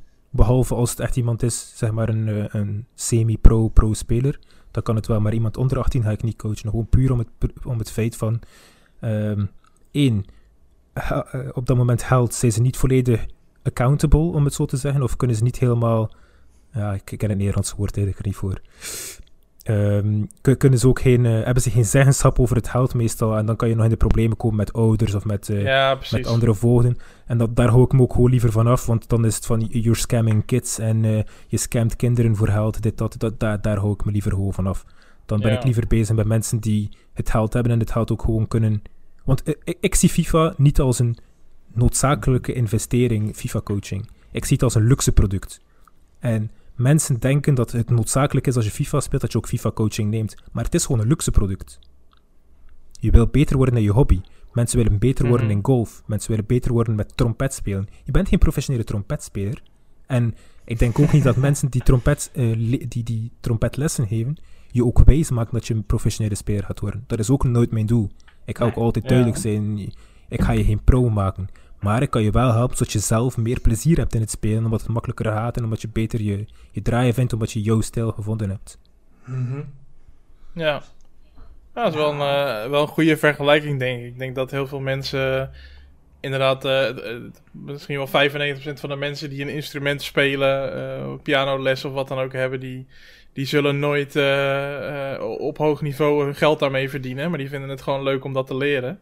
En met FIFA kan dat natuurlijk ook zo zijn. Je kan natuurlijk gewoon voor je eigen plezier ook coaching sessies nemen. Het hoeft niet altijd zijn. Je hoeft, niet, je hoeft geen e-sporter te zijn om een coaching sessie te nemen. Nee, precies. zo. Ja, dat, dat, dat is het ook. Dat is het ook. Dat, dat, is ook. dat is ook het mooiste, toch? Als mensen komen naar je, je hebt de coaching sessie gedaan, ze zijn zilver 1 bijvoorbeeld, en plots halen die elite 2. En dan, dan, dan ben ik zelf soms verbaasd van de, de, de stappen die ze zelf genomen hebben. Mm -hmm. Ja, cool. Er zitten ook uh, mensen in de chat die volgens mij coaching van jou gehad hebben, Doeri. Dus je krijgt, uh, compliment, ja, je zie, krijgt complimenten. Leuk. Ik uh, een paar procent. Leuk om te horen natuurlijk. En iemand die een coach zoekt. Dus heren, nou ja, jullie zijn te vinden op Twitter. Dus, ja. Ik verwijs je graag door naar Timo. ik verwijs je door naar Doeri. Nee, maar dat, dat doe ik oprecht wel vaak. Oh, oh, ik, ik, stuur ook gewoon mensen door naar... Een, ik, ik ken nu eenmaal een paar coaches en ik weet gewoon ook van... Die, die, die kunnen die kunnen dan ook wel echt iets leren. Dan zeg ik ook van, ja, moet je even Timo, moet je even bij Zweedse FIFA-speler, maar ook een pro, uh, coach. Dat, dat ja. stuur ik die ook gewoon echt door, omdat ik iets heb van, oké, okay, ik ben misschien niet de persoon die je echt gaat kunnen helpen, maar uh, deze mannen kunnen misschien net iets meer met jouw manier van spelen jou iets bijbrengen. En, en Timo zich maar afvragen waar al die DM's vandaan kwamen. Komt gewoon dat Doer die iedereen doorstuurt. Ja, ga maar naar Timo. Ga maar naar Timo. ja, maar, daarom, ik had opeens plus 20 DM-verzoeken. Heb ik allemaal nooit gelezen, maar nu snap ik waarom. ja, je moet even bij Twitter moet je even op dat knopje drukken van als je DM's krijgt van mensen die je niet volgen. Of die jij niet volgt. Dat is gewoon hele, hele potentiële klanten, Timo. Nee, ja, maar ja, daar dat, heb ik ook wat wel. Dat is wel ja. mooi. Dat is wel mooi van Doeri dat hij dat doet. Ik bedoel, ja, uh, ja, daar, daar kunnen veel mensen in de community een voorbeeld aan nemen. Zo, zo, ben ik ook. Dat, dat is ook echt iets... Ik denk dat ook veel mensen me, me daarom ook echt reten. Omdat uiteindelijk, oké, okay, ja, het is geld die binnenkomt, maar voor mij, ik doe het ook niet voor het geld. Dat, dat is ook een van de dingen. Mensen zien het verkeerd. Mensen denken van die coachen omdat ze geen andere werk kunnen doen. Zoals ik al zei, ik heb al een bachelor waar ik veel meer geld mee zou verdienen als ik daarin zou beginnen werken. Um, maar ik heb het meer van Um, in de zin van, ik wil mensen echt iets bijbrengen. Ik wil dat ze ook gewoon weer plezier hebben. En um, als ik het gratis doe, dan ben ik gewoon volzet. Als ik een bepaalde prijs doe, dan ben ik ook gewoon mm. volzet. Dus je, je moet ook gewoon zorgen dat je timing kan en dat je niet mensen moet laten wachten. En dan heb ik liever dat ze bijvoorbeeld 5 euro per uur meer moeten betalen en dat ik nog op mijn gemak kwalitatieve coaching kan bieden, dan dat ik zeg van, nou ja, sorry, je kan pas over vijf maanden een, sessie met me krijgen. Ja, dan, dan, dan loopt het wel mis. Ja. Ehm, mhm. En, en daarom, dan, dan stuur ik ze liever door naar mensen die ik ook gewoon ken, die ik ook gewoon support. Ik denk, Timo, we kennen elkaar denk ik twee, drie jaar nu. Ja. Ehm, en ja, kijk, uh, ik, ik, ik, daar ben ik ook gewoon eerlijk in. Als ik weet van oké, die kan er wat van, die, die, die, die is ook geen niemand die gewoon wat geld van iemand probeert af te trouwen op de gemakkelijkste manier, wat ook niet blijft duren als je dit doet.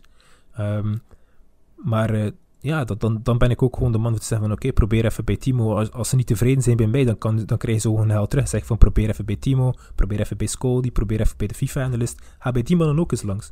Mm -hmm. Daar ben ik ook gewoon heel eerlijk in. Oké. Dat, siert, dat siert, dat siert jou als persoon, Dory. Zeker, ja, zeker. Vind, Mooi dat het, het onderling zo uh, goed is. Ja. Zeker, zeker. We zijn ook gewoon een community en ik denk als community moet je gewoon achter elkaar staan en veel mensen inderdaad die, die, die denken alleen maar aan hun eigen en, en, en wat zij doen, maar uh, ja, je zal nooit groeien als community en dat blijft ook niet duren. Mm -hmm. Is echt zo. Dat is eigenlijk precies wat we vorige week over hadden, Timo. Dat ja. uh, inderdaad uh, de, de, community elkaar helpt. Dat spelers onderling elkaar soms ook wel eens helpen. Ook al moeten ze misschien uh, één, twee weken daarna tegen elkaar.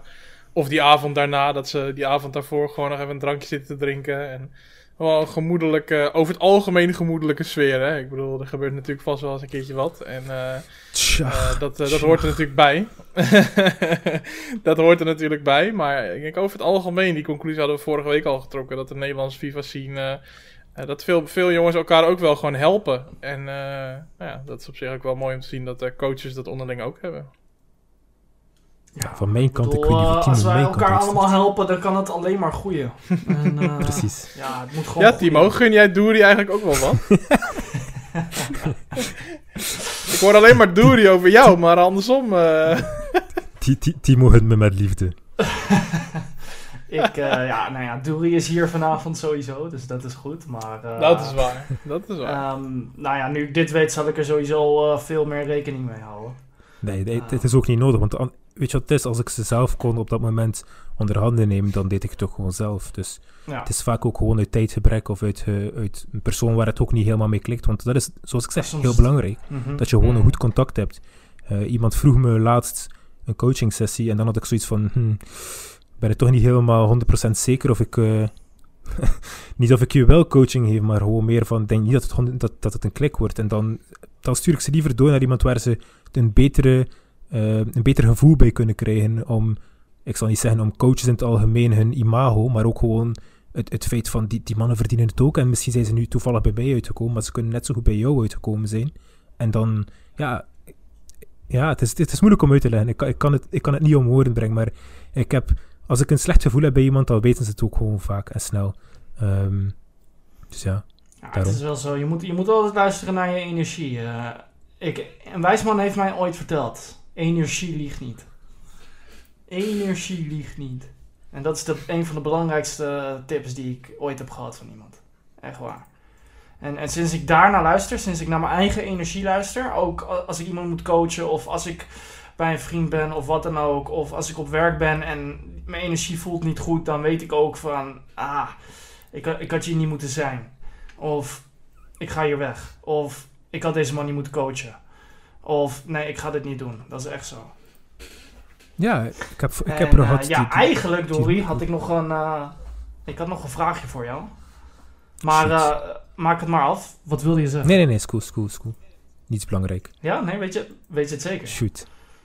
Ja? Heel zeker. Oké, oké. Okay. waar komt jouw passie voor FIFA vandaan? Ja, mijn passie voor FIFA is eigenlijk een beetje ontstaan. Ik speelde vroeger voetbal op oké okay niveau. Toen speelde ik zelf wel weinig. Laat me daarover e- e- eerlijk zijn. Maar uh, ik weet nog, we speelden een internationaal toernooi. Kwamen tegen Ajax, Liverpool. Uh, wie was er nog meer? Ajax, Liverpool, Arsenal, dacht ik. Um, en ik, ik, ga nooit vergeten, die mannen komen. Die, die, die hebben allemaal van die uh, limited edition shoes met hun naam in gegraveerd. Dat ze kijken je met een scheve blik aan. Wie, wie zijn deze jongens? Wat gaan ze hier komen doen? In die teams zaten toen Iwobi. Ik heb ooit nog tegen Tielemans gespeeld. Dat, dat type spelers heb ik... Dat, Sane ook bij Schalke. Dus het gebeurde wel eens dat die, dat die teams ehm, tegenover die kleinere teams komen. En het soort, het, het imago dat zij dan over zichzelf hadden, of tenminste het idee dat ze over zichzelf hadden van wij zullen hier eens tonen hoe het allemaal in elkaar zit. En dat, dat maakte mij eigenlijk echt de voetbalscene uh, meer en meer haten van spelers die in de ploeg bijvoorbeeld, oh ik ga expres die speler blesseren, dan kan ik zijn plaats innemen tijdens de wedstrijd binnen hetzelfde team. Die, die mentaliteit, die, die stond me gewoon echt niet aan. Toen besloot ik gewoon zelf om te stoppen met, uh, met voetbalspelen, maar ik miste iets competitief. Want ik, ik ben wel een competitief persoon, maar ik kan ook wel echt tegen mijn verlies. Tenminste in voetbal en FIFA iets minder. um, maar uh, toen had ik ook wel echt iets van: oké, okay, uh, ik, ik, moet iets hebben om mijn, om mijn competitie, het competitiegevoel terug te gaan vervangen. En ik weet nog, FIFA 15 kocht ik een PlayStation 4, nadat ik wat gewerkt had. De baas waar ik werkte toen een chocoladefabriek, die, uh, die zei me van ja, we moeten even FIFA spelen. Die maakte me 8-0 af, dacht ik. En toen had ik zoiets van shit, vroeger was ik veel beter. Toen speelde ik wel nog op PC, of op de PlayStation 2. En toen had ik iets van, toen was ik veel beter, ik, moet het weer oppikken en ik, uh, ik moet mezelf weer verbeteren. Tegen het einde van het jaar versloeg ik hem met dubbele cijfers. Dus in dat ene jaar werd er wel uh, sterk was het sterk verbeterd. Um, en toen, zoals ik zei, ja, toen, uh, begon ik mijn vrienden te verslaan. Er zijn altijd van die één of twee spelers die ik nooit kon verslaan. En die zeiden me toen van, check even op Twitch. Een paar streamers. Ik wist niet wat, Twitch was ook. Um, en toen keek ik, dacht ik van, oké, ja, mensen maken hier echt communities op, over FIFA. En toen kwam, in die, toen kwam ik in die communities en ja, dan vind je het gewoon als een passie. En dan ben je ermee bezig en dan ja, blijf je ermee bezig. Uh, gelukkig nu is het wat minder. Vroeger was het veel meer. Nu kan ik het iets meer van me afzetten.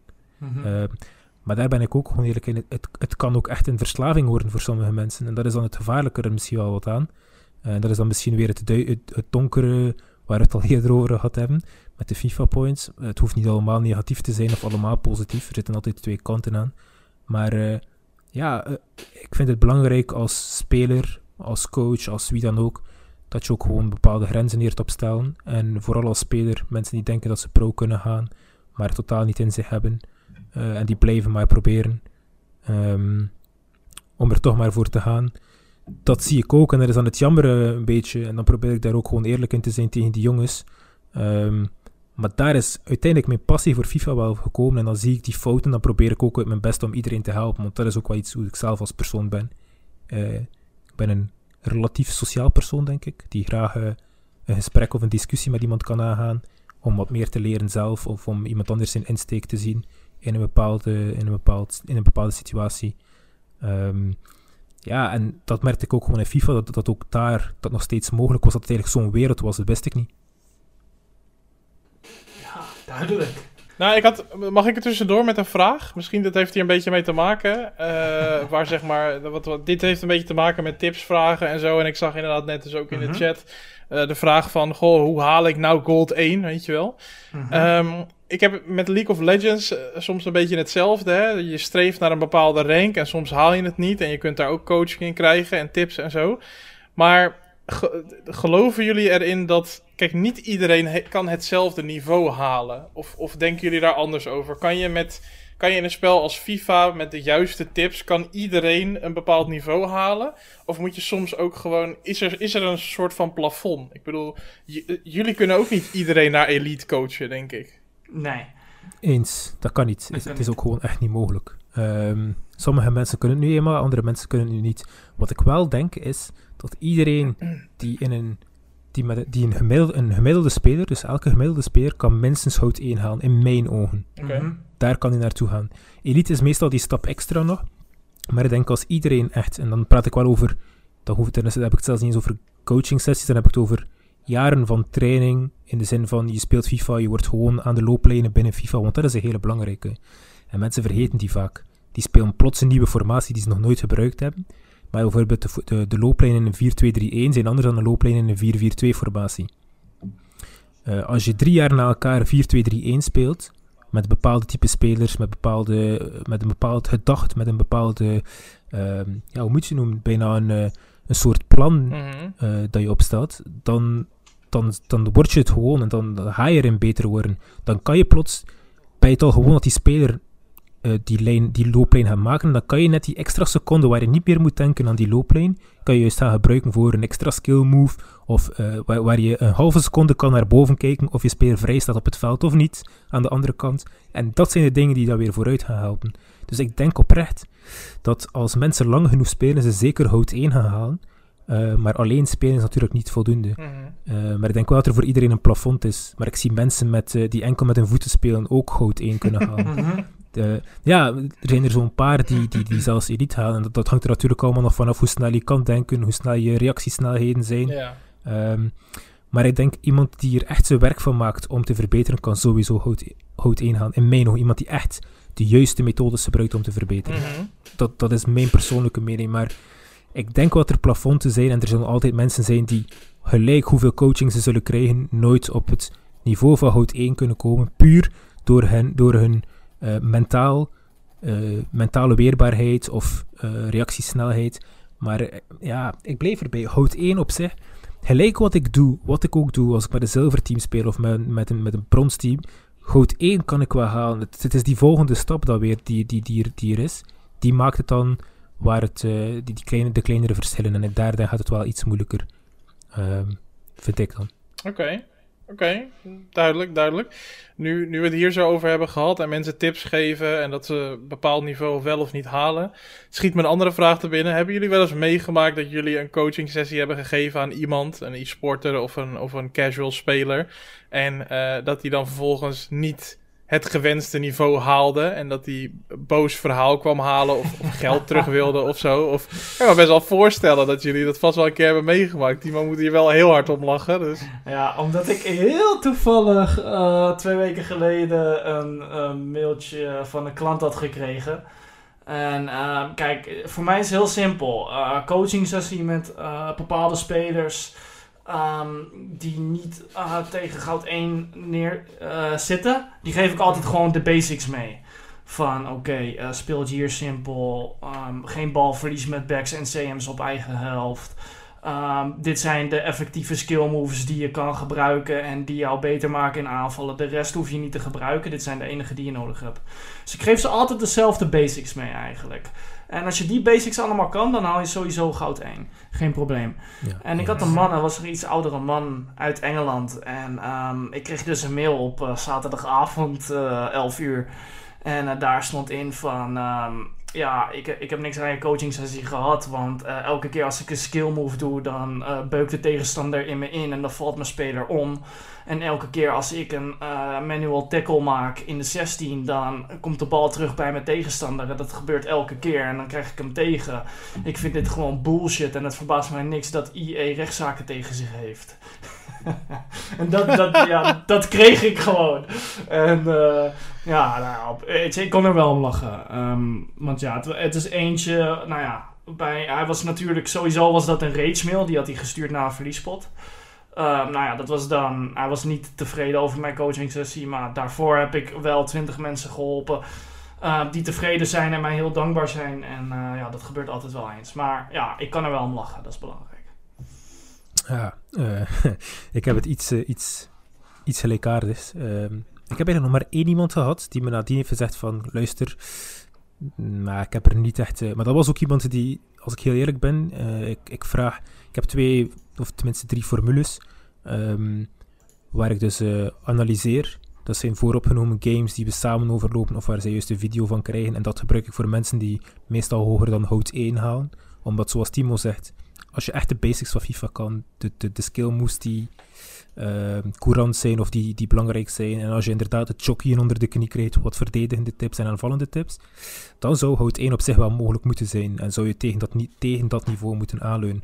Als je daaronder ligt, dan is er meestal nog één van de, basic, van de basics die fout lopen. Meestal, niet in iedereen's geval. Um, en dan vanaf mensen hoger halen dan dat, dan ga ik eigenlijk over, dus als mensen overhoud 1 halen, dan uh, ga ik over op die analyses. Als het onderhoud 1 is, dan doe ik inderdaad ook gewoon trainingssessies, of trainingssessies, of hoe je het ook in het Nederlands zegt, in het Hollands.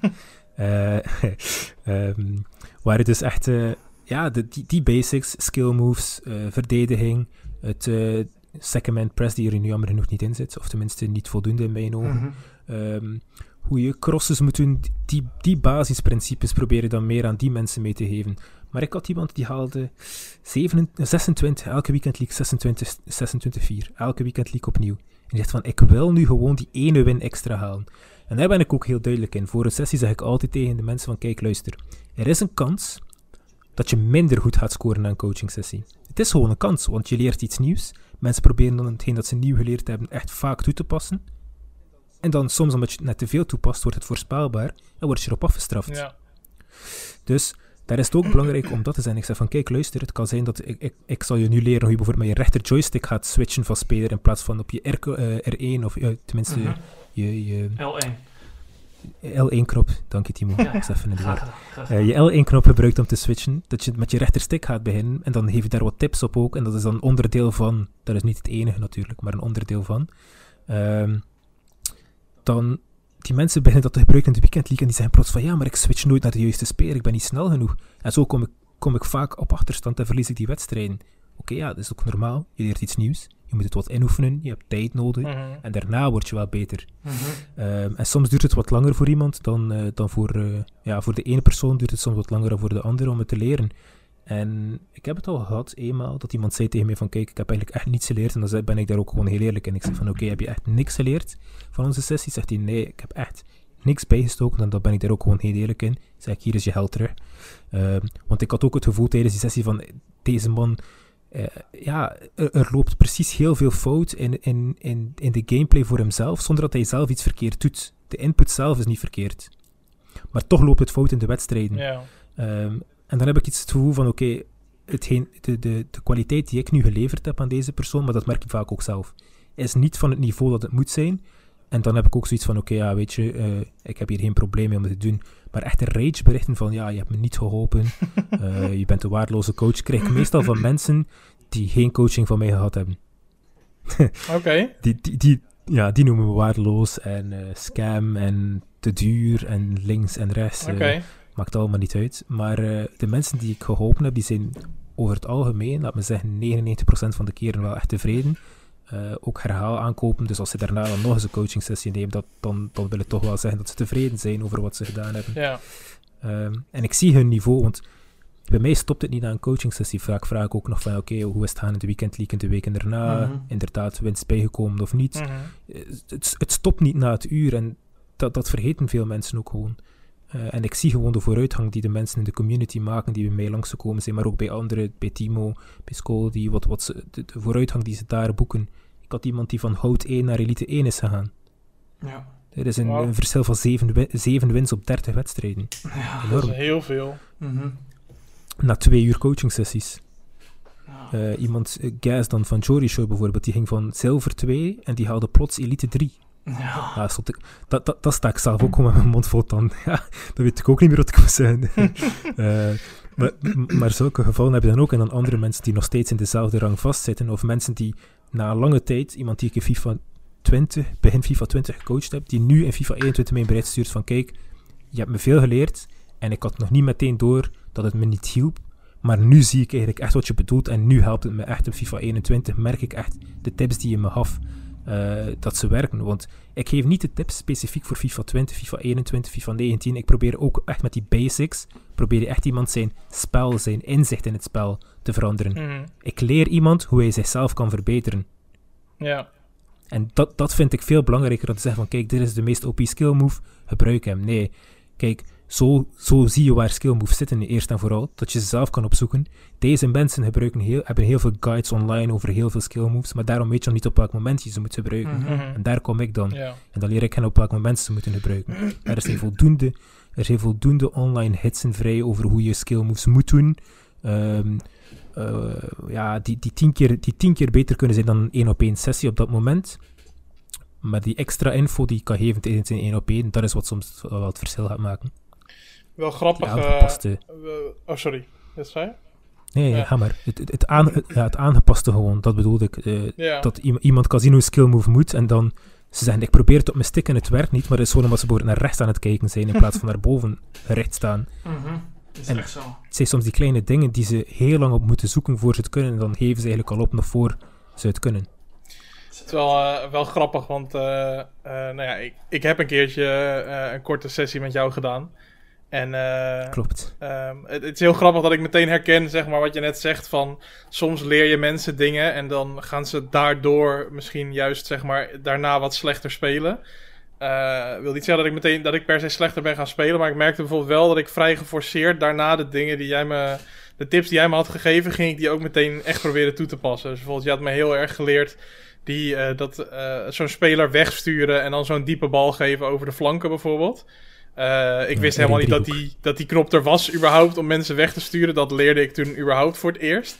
Eh, en dus er ging een wereld voor, ja, dus er ging een wereld voor me open. Dus dan ging ik dat steeds heel veel proberen. En dan gaf ik hem weer te laat. En dan was het weer buitenspel. Of ik gaf hem weer te vroeg. Of ik schoot hem gewoon over de zijlijn of zo.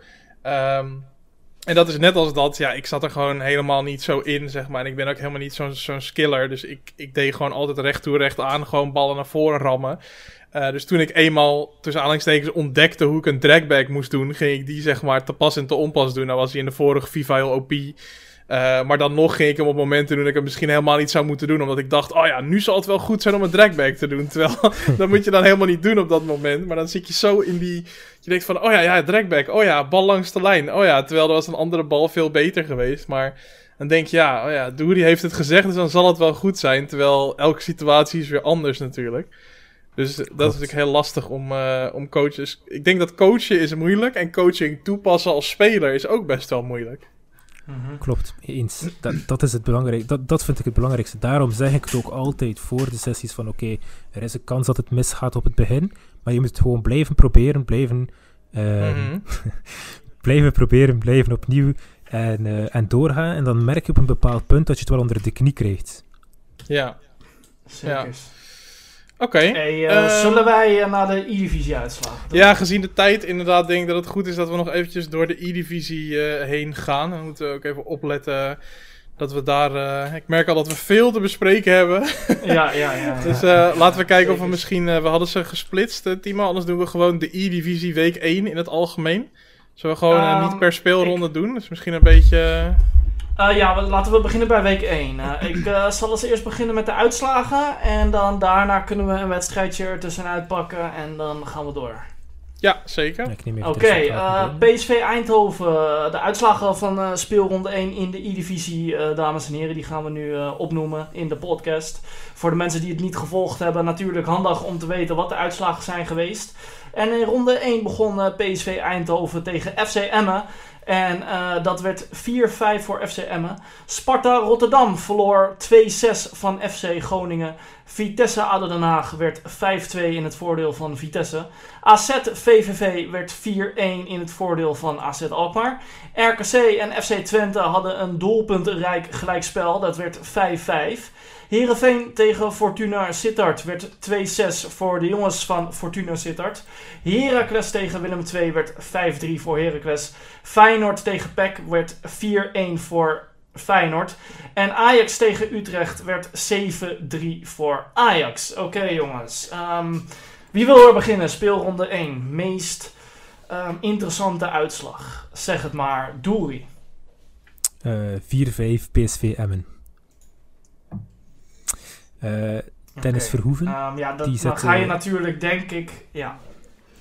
Ja, Dennis Verhoeven zette een mooi resultaat. Ik weet niet of ik eh, gewoon door mag of niet, Timo. Je moet me tegenhouden als... eh, Ga, ga door. hey, ga je gang. door. Ja, ja, ja, ja. Eh, Dennis Verhoeven zette, ik dacht, eh, PSV op een 3-0 voorsprong voor, Klopt, eh, ja. tegen FC Emmen op de Xbox. En daarna ging eh Toon Benet even eh, zijn klasse tonen in de vier- in de 4-2-2-2 tegen Ali. Mhm. En dan eh, werd het 5-1. En ik weet nog, op dat moment, eh, ik, ik keek de wedstrijd niet en iemand stuurde me een appje. En die zei van, eh, het staat eh, 4-0, maar hij weet niet voor wie.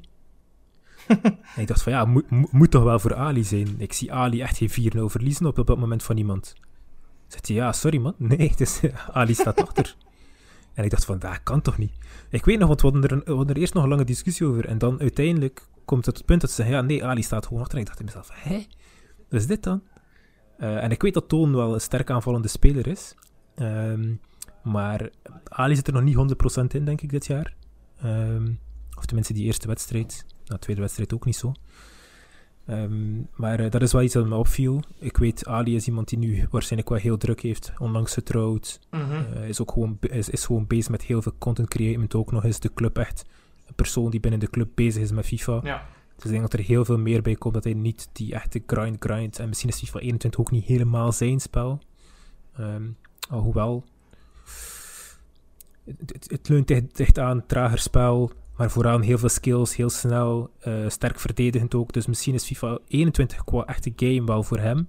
Maar Mhm. op dit moment dat hij die, die grind of die, die echte, eh, hoe moet je het zeggen, die killer instinct dat het nog niet 100% in hem zit, dat misschien die divisie net iets te vroeg valt in het jaar. Mhm. Misschien. Ja, ja, ik denk sowieso nog dat hij wel eh, er lekker in gaat komen halverwege. En dan zal je maar net zien dat hij in vorm is en dat hij tegen AZ ook maar moet. dus eh, nee, maar ja, dat, Maar dat komt wel op- goed. eh. Een van de meest opvallende dingen deze speelronde was natuurlijk de voorspelling eigenlijk die we eh, in aflevering 1 met Arnoud hadden. En, en waar jij ook achter stond, hè, Timo, dat we ve- veel aanvallender sp- spel, FIFA 21 ten opzichte van FIFA 20. Eh, Ja. eh, we, we hadden verwacht veel meer doelpunten. We hebben Mhm. er 70 eh, gekregen in die eerste speelronde. Eh, ja. dat, dat was bij FIFA 20 denk ik eh, onmogelijk geweest. ja, maar ja, je ziet ook uitslag. Ik zie, ik zie 6-2, ik zie 7-3 staan. Ik zie zelfs Ja. hoeveel had Pack in ronde 2. Die had toch een pak slagen uitgedeeld aan RKC. Ja. Dat, was, dat was niet normaal. 8-1 inderdaad. Ja, dat, dat, Ja. Is, dat, is, dat is ongekend. Ja, nee, precies. Dus, eh, maar, maar goed, die, die, die voorspelling die, eh, die kwam dus in ieder geval uit. Dus dat, eh, dat is leuk om te zien. En Ja. ik denk dat eh, een positieve verandering is. In ieder geval voor de, hoe moet ik het noemen? Voor de kijkbaarheid van de E-divisie. Ik denk dat dat voor een hoop mensen... nu niet. Oké. Ja, kijk, los van eventuele technische mankementen eh, die, die gaande zijn. Maar, maar laten Ja. we zo zeggen, de Klikbaarheid. entertainmentwaarde. Laten we het zo zeggen. Entertainmentwaarde. Misschien is dat een beter woord. Absoluut, absoluut. De- de- dat was natuurlijk bij, eh, bij FIFA 20, eh, eh, ja, werd er veel over gediscussieerd. Mhm. Dus eh, ja, veel goals, Timo. Ja, ehm, had jij nog een uitslag uit speelronde 1 die jou, die jou heel erg opviel of waar je het nog even over wilde hebben? Nou, het enige wat natuurlijk opviel, eh nou, viel, vielen natuurlijk twee dingetjes op. Want Ik, ik, kijk, ik kijk natuurlijk als, als journalist, hè, ik kijk natuurlijk niet per se naar de uitslagen. Hè, dan ben je zo'n scoreboard eh, Mhm. journalist. Maar ik kijk natuurlijk altijd even van wat gebeurt er tussen de games door en zo. En we konden natuurlijk de spelers horen. En volgens mij, de spelers konden de commentatoren ook horen de hele tijd gedurende de wedstrijd. Waarvan ik me afvraag of dat echt een hele toegevoegde waarde heeft. Maar goed, dat is natuurlijk een ander verhaal. Ehm, maar daarbij, eh, eh, wat opviel, is dat Chardo eh, tijdens zijn wedstrijd echt, echt heel ontevreden was over zijn eigen spel. Hoorbaar ook. het over zichzelf. Mhm. Ik speel zo slecht. Wat speel ik slecht en zo. Nou, als we het dan over mentaal hebben, dan lijkt het me niet verstandig om dat tijd hardop tegen jezelf te zeggen. Maar misschien motiveert hem dat juist weer heel erg. Dat, dat, dat weet ik natuurlijk niet. Ehm, en het tweede wat natuurlijk opviel was, eh, was Dani eh, van Ajax, die eh, nog even een opmerking gaf richting de commentatoren. Ehm, ja, de commentatoren vonden het een geflatteerde overwinning ehm, eh, van Dani, omdat hij, ja, hij heeft in principe elke kans die hij kreeg afgemaakt, maar verder kwam er niet zo heel veel uit. Ik denk dat iedereen die dat gekeken heeft dat wel beaamt. En nou ja, goed, hij zei, laten we hem letterlijk quoten voor de zekerheid. Hij zei gewoon, wat lullen ze nou? Ehm, ja, nou ja, goed, dat is natuurlijk wel weer ook een beetje Dani, denk ik. Eh, een beetje emotie zat er misschien bij, een beetje frustratie, ik weet het niet. Maar is het eh, eh, ja, een leuke toevoeging op, op deze manier, dat ondanks dat het online is, dat we dus wel de spelers horen, dat de spelers de commentatoren ook kunnen horen? Is, is dat nodig? Moet dat? Nou, het is niet nodig, maar het brengt wel wat extra emotie en eh, ja. Ik, ik, ik vind, ja, ik- qua emotie misschien oké. Maar dan kan je net zo goed die commentatoren na de wedstrijd ook gewoon laten zeggen van eh, het was een geflatteerde overwinning. Dat hoeft niet tijdens de wedstrijd in mijn ogen. Ja, Laat, die jongens in, laat die jongens in hun focus. Mhm. Want dan ga, dat, als we het over focus hebben, dan, dan gaat het iets meer over speelronde 2 bijvoorbeeld ook. Eh, ik weet niet of ik het al mag hebben over het incidentje daar. ja doe maar, pak Ah, maar door. Ja, we nee, kunnen ja, maar doorpakken, ik, eh, ja, dan ga ik nu even naar speelronde 2. En dan Ja, kunnen doe we... dan maar eerst dan. Oké, speelronde, de uitslagen van eh, speelronde 2, dames en heren. PEC Zwolle wint eh, met grote cijfers van RKC Waalwijk. In die wedstrijd werd het maar liefst 8-1 voor PEC Zwolle. FC Utrecht verliest 2-4 van Sparta Rotterdam, die de eerste drie punten van het seizoen pakken. FC Emmen verliest na de goede start tegen PSV van 0-2 tegen Fortuna Sittard. Is dat een verrassing? In mijn ogen is dat geen verrassing. FC Twente wint 5-3 van SC Heerenveen. VVV verliest eh, met 6-1 van Vitesse. Willem 2 speelt met 3-3 gelijk tegen AZ Alkmaar. Heracles verliest de tweede, in, de, in de tweede speelronde van Feyenoord met 1-2. ADO Den Haag verliest met 2-4 van Ajax. En Groningen wint de kraker tegen PSV met 6-5. En eh ADO Den Haag Ajax, Doeri. Ga maar los. Ja, daar, wou ik het over hebben. Dus, ehm, er was inderdaad een incident waar eh, eerst normaal gezien, eerst en vooral, de PlayStation eerst zou gaan. Dus Charlie zou eerst tegen Rick Dames spelen. Eh, Rick stond voor 1-0 aan de rust. En eh, toen bleek dat dus zijn OBS wat problemen had, waardoor de gameplay niet uitgezonden werd. Daarop besloot de E-divisie om de Xbox-wedstrijd eerst te laten gaan, als ik me niet vergis. Ja, klopt. Dus gingen we plots Dani tegen, eh, tegen Danny bekijken. Mhm. Ehm, en daarna begon de wedstrijd van Charto en Rick weer van 0-0 Mhm. in de eerste, dus vanaf de start. En die werd dan als tweede gespeeld. Dus eerst en vooral, je wint een TOS. Je, je hebt een bepaald gameplan waar je naartoe gaat. PlayStation eerst, daarna Xbox. Ja. Dat wordt niet uitgevoerd. Ik weet niet wie de TOS zelfs won, maar dat, dat maakt het uiteindelijk ook het verschil niet. Het, het tweede deel is ook gewoon, Charto staat 1-0 achter en ehm, ja, is, is aan het verliezen op dat moment in de Mhm. rust. En dan werd gezegd van oké, OBS werkte niet. Was aan de kant van Rick blijkbaar dat die OBS niet, eh, niet juist werkte. Dus was een foutje van Rick. Ehm, maar die, die, die score wordt dan volledig uitgewist. En dan wordt er weer gestart van 0-0. En dat, dat concept gewoon van je staat 1-0 voor, je hebt de fout gemaakt ergens. Niet gameplay gerelateerd. Er is geen verkeerde speler die op het veld staat of wat dan ook. Ehm, dat je dan die score uitwist, is voor mij eigenlijk. Ja, ik, ik, zal geen, ik roep geen competitievervalsing, ik roep geen. eh, ehm, ik ga hier niet noemen dat, de, dat Ajax alles is in, is in voordeel krijgt, maar dat is wel een deel van het imago dat Ajax heeft. Als grote club, als leider binnen de E-divisie. Club die al Mhm. vaak gewonnen heeft, die altijd toch wel ook goede content verzorgt en zo. Vind ik het eigenlijk echt niet kunnen dat het gebeurt. Daarna kwam Chardo ook eh, in de, in de E-divisie chat, want ja, zij speelden dan ook. Die, die komt een beetje achter natuurlijk met die stream. Zegt hij ook van, ik ken het hele verhaal niet. Er werd heel veel gepraat rondom me. Ik hoorde constant mensen in mijn oor. Die commentatoren dan. Mensen van E-divisie waarschijnlijk zelf ook. Al die dingen komen er nog eens extra bij. Eh, en dat snap ik wel, dat het lastig kan zijn. Maar Rick gaat daarom ook die mensen niet gehoord hebben in zijn oor. Dat is aan jou zelf om die mensen te muten eh, in je oor, dat je die niet hoort.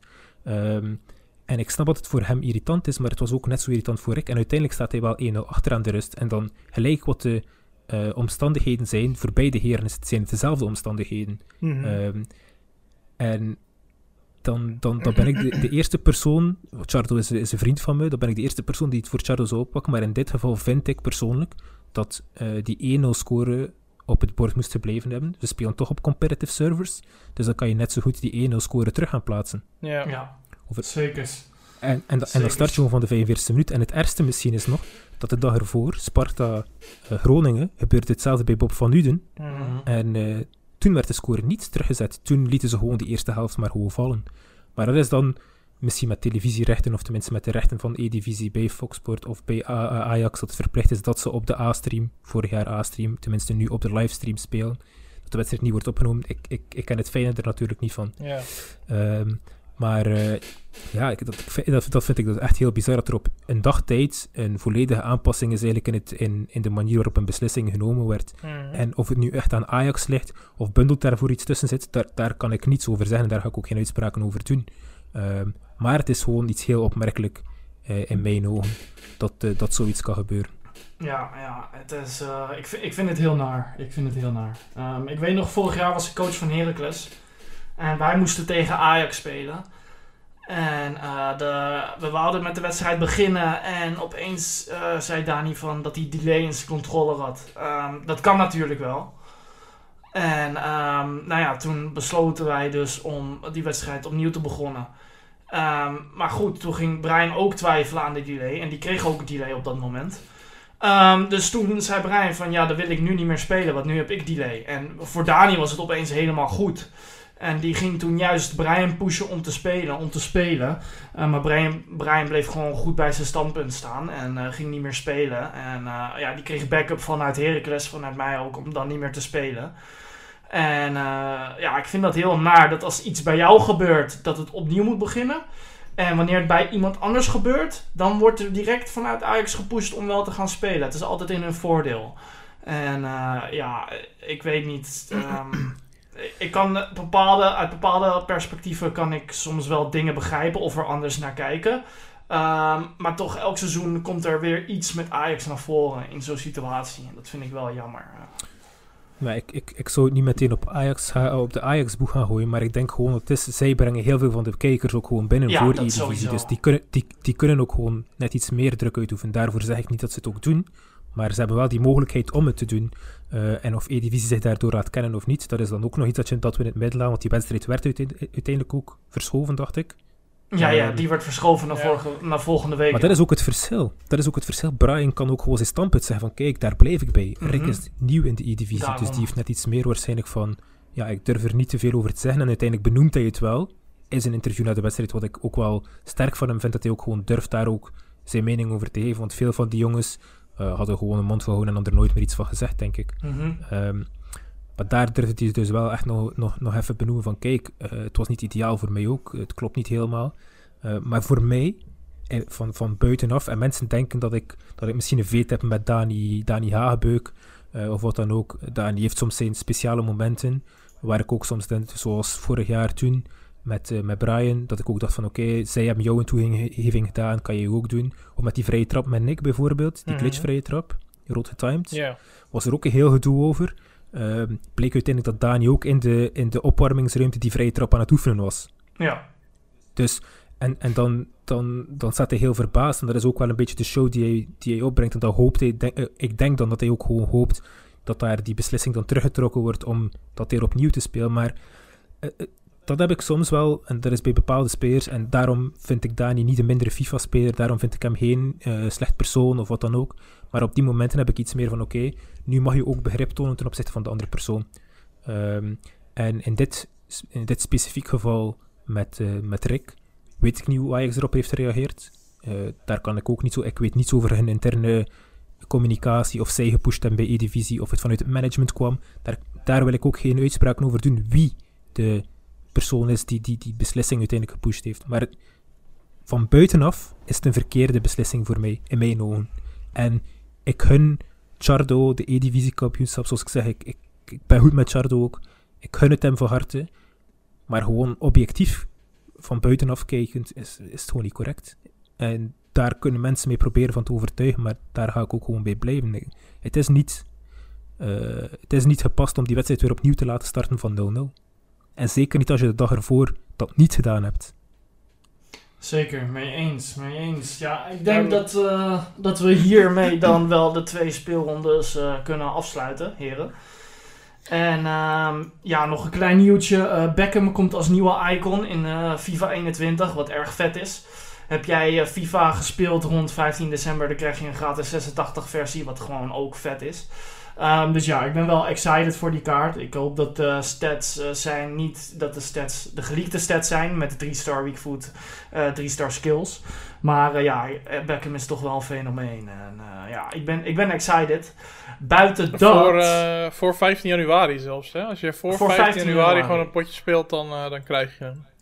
Ja, dat is tof. En het is de, de Real Madrid versie. ja, ja, dat is hem. wel vet. Ja. ja, dat is gruwelijk, dat is gruwelijk. Maar de, dus, is, is het ook niet enkel Volta? Vet, man. Ik dacht dat het enkel in Volta was, dat het niet nee. Ultimate Team nee, was. Nee, nee, je krijgt een, fut, uh, je krijgt een FUT kaartje, een, een non-tradable FUT kaartje en, en je krijgt hem in Volta als uh, Groundbreaker. Ah, nice. Ja, dus dat is, dat ja, is wel ik, vet. Ik, ja. hoorde, ik hoorde wel al gesprekken dat hij inderdaad terug in de game kwam. Ja. Uh, omdat ik ook wel wat connecties had met zijn e-sports team. Had ik ook wel wat van gehoord dat daar ook wel uh, iets speelde. Um, maar ja, vet voor Beckham ook gewoon dat hij terug in die game zit. Want uiteindelijk het is wel echt een, voor, voor mij ook iemand geweest waar ik echt naar opkeek ja. toen ik voetbal keek. Eh, zeker de vrije trappen die hij scoorde, de, de, de, de crosses die hij deed, die speciale whip op die bal die hij altijd kon geven, die extra, Ja. die extra, ja, hoe moet je het noemen? Ja, whip. Ja, die, Ja. de, curve, ken- de curve. veel, veel van die termen, ja, die curve dat hij erop zet, ja, die curve, dat, dat was iets legendarisch, iets typisch. Dat je ook met Juninho bijvoorbeeld Ja, bij Lyon. Juninho Pernambuco. Ja, Ja, dat, dat is echt was, een eh, eh, ook- legendarische speler. Dus eh, zeker iconwaardig, denk ik. eh. Ja, Ik denk ja, dat weinig mensen hier iets tegen kunnen hebben. Of hij echt, of je, of hij echt useful gaat worden, dat, dat zie ik niet gebeuren, denk ik. Qua stats. Of is het een Ja, icon die je goed niet. kan gebruiken in een Spaanse elftal misschien? In een La Liga team? Ja, die 86 niet echt. Wel een leuk super, super subje voor een CM hoor. En, Ja, Ja, op CM kan hij wel iets zijn, een beetje type Xavi, Pirlo, qua icons dan. Echt zo. Zo de net niet bruikbare icons. Maar als je echt genoeg van hem houdt, als je hem net genoeg van hem houdt in real life, als je net zo'n fan was van hem, dan zet je hem er toch maar gewoon in, omdat het toch maar die, die speler is. Ja, Is ik moet zeggen, zo. ik ga, wel, ik ga wel mee experimenteren. Om te kijken of ik hem, of ik hem ergens kwijt kan. Wel, eh, als je het dan hebt, over- nou, wat ik net vertelde. Volgens mij viel jij toen net weg toen we het over de Master League hadden van, eh, van PES. Dat ik eh, een team had gebouwd en zo. En dat was in de tijd dat Beckham daar nog speelde.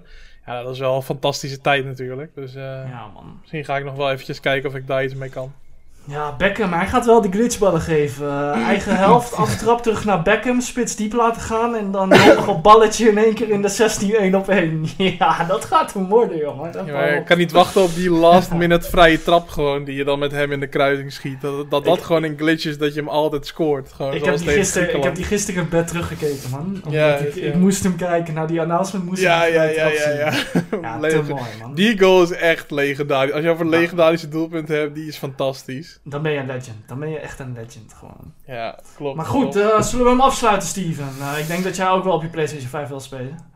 Oh ja, nee, nee daar, niet, daar, daar kom ik uiteindelijk toch wel aan toe. Maar eh, ja, ik denk dat, dat we gemerkt hebben dat we op coachinggebieden niet uitgepraat raken. En dat we zeker misschien gewoon één keer in de zoveel tijd doen die dat je gewoon even lekker langs moet komen om ook lekker die E-divisie misschien wat uitgebreider te bespreken als we misschien wat speelrondes verder zijn. Misschien Ja, is het goed om dan eens een keertje eh, een echte analyse erop los te laten. Als we wat, eh, wat meer tijd over vinden. hebben. Nou, Dus, ik vond het echt eh, leuk. Ik vond het echt leuk, Dory. Ik vond het echt Ja, leuk, zeker. Het Ja, echt zeker, een super boeiende podcast. Eh, een van Ja. de beste, denk ik wel. Ja, absoluut, absoluut. Nou, Dus, dus, zou je niet moeten onderdoen aan de anderen, toch? De anderen hebben ook een aardig stukje podcast neergezet al. Ja, ja, het is Zeker, gewoon lekker. zeker. Het is gewoon lekker, lekker Ab- babbelen, toch? Absoluut. In ieder geval eh, super bedankt eh, dat je tijd hebt vrijgemaakt. Je maakte in het begin een grapje van je bent zo druk en eh, heb je tijd kunnen maken. Maar uiteindelijk vragen we toch wel elke keer weer twee uur van onze gast. En eh, nou, die Ja. twee uur had je ook eh, andere dingen kunnen doen. Dus eh, dank daarvoor. En eh, Geen probleem.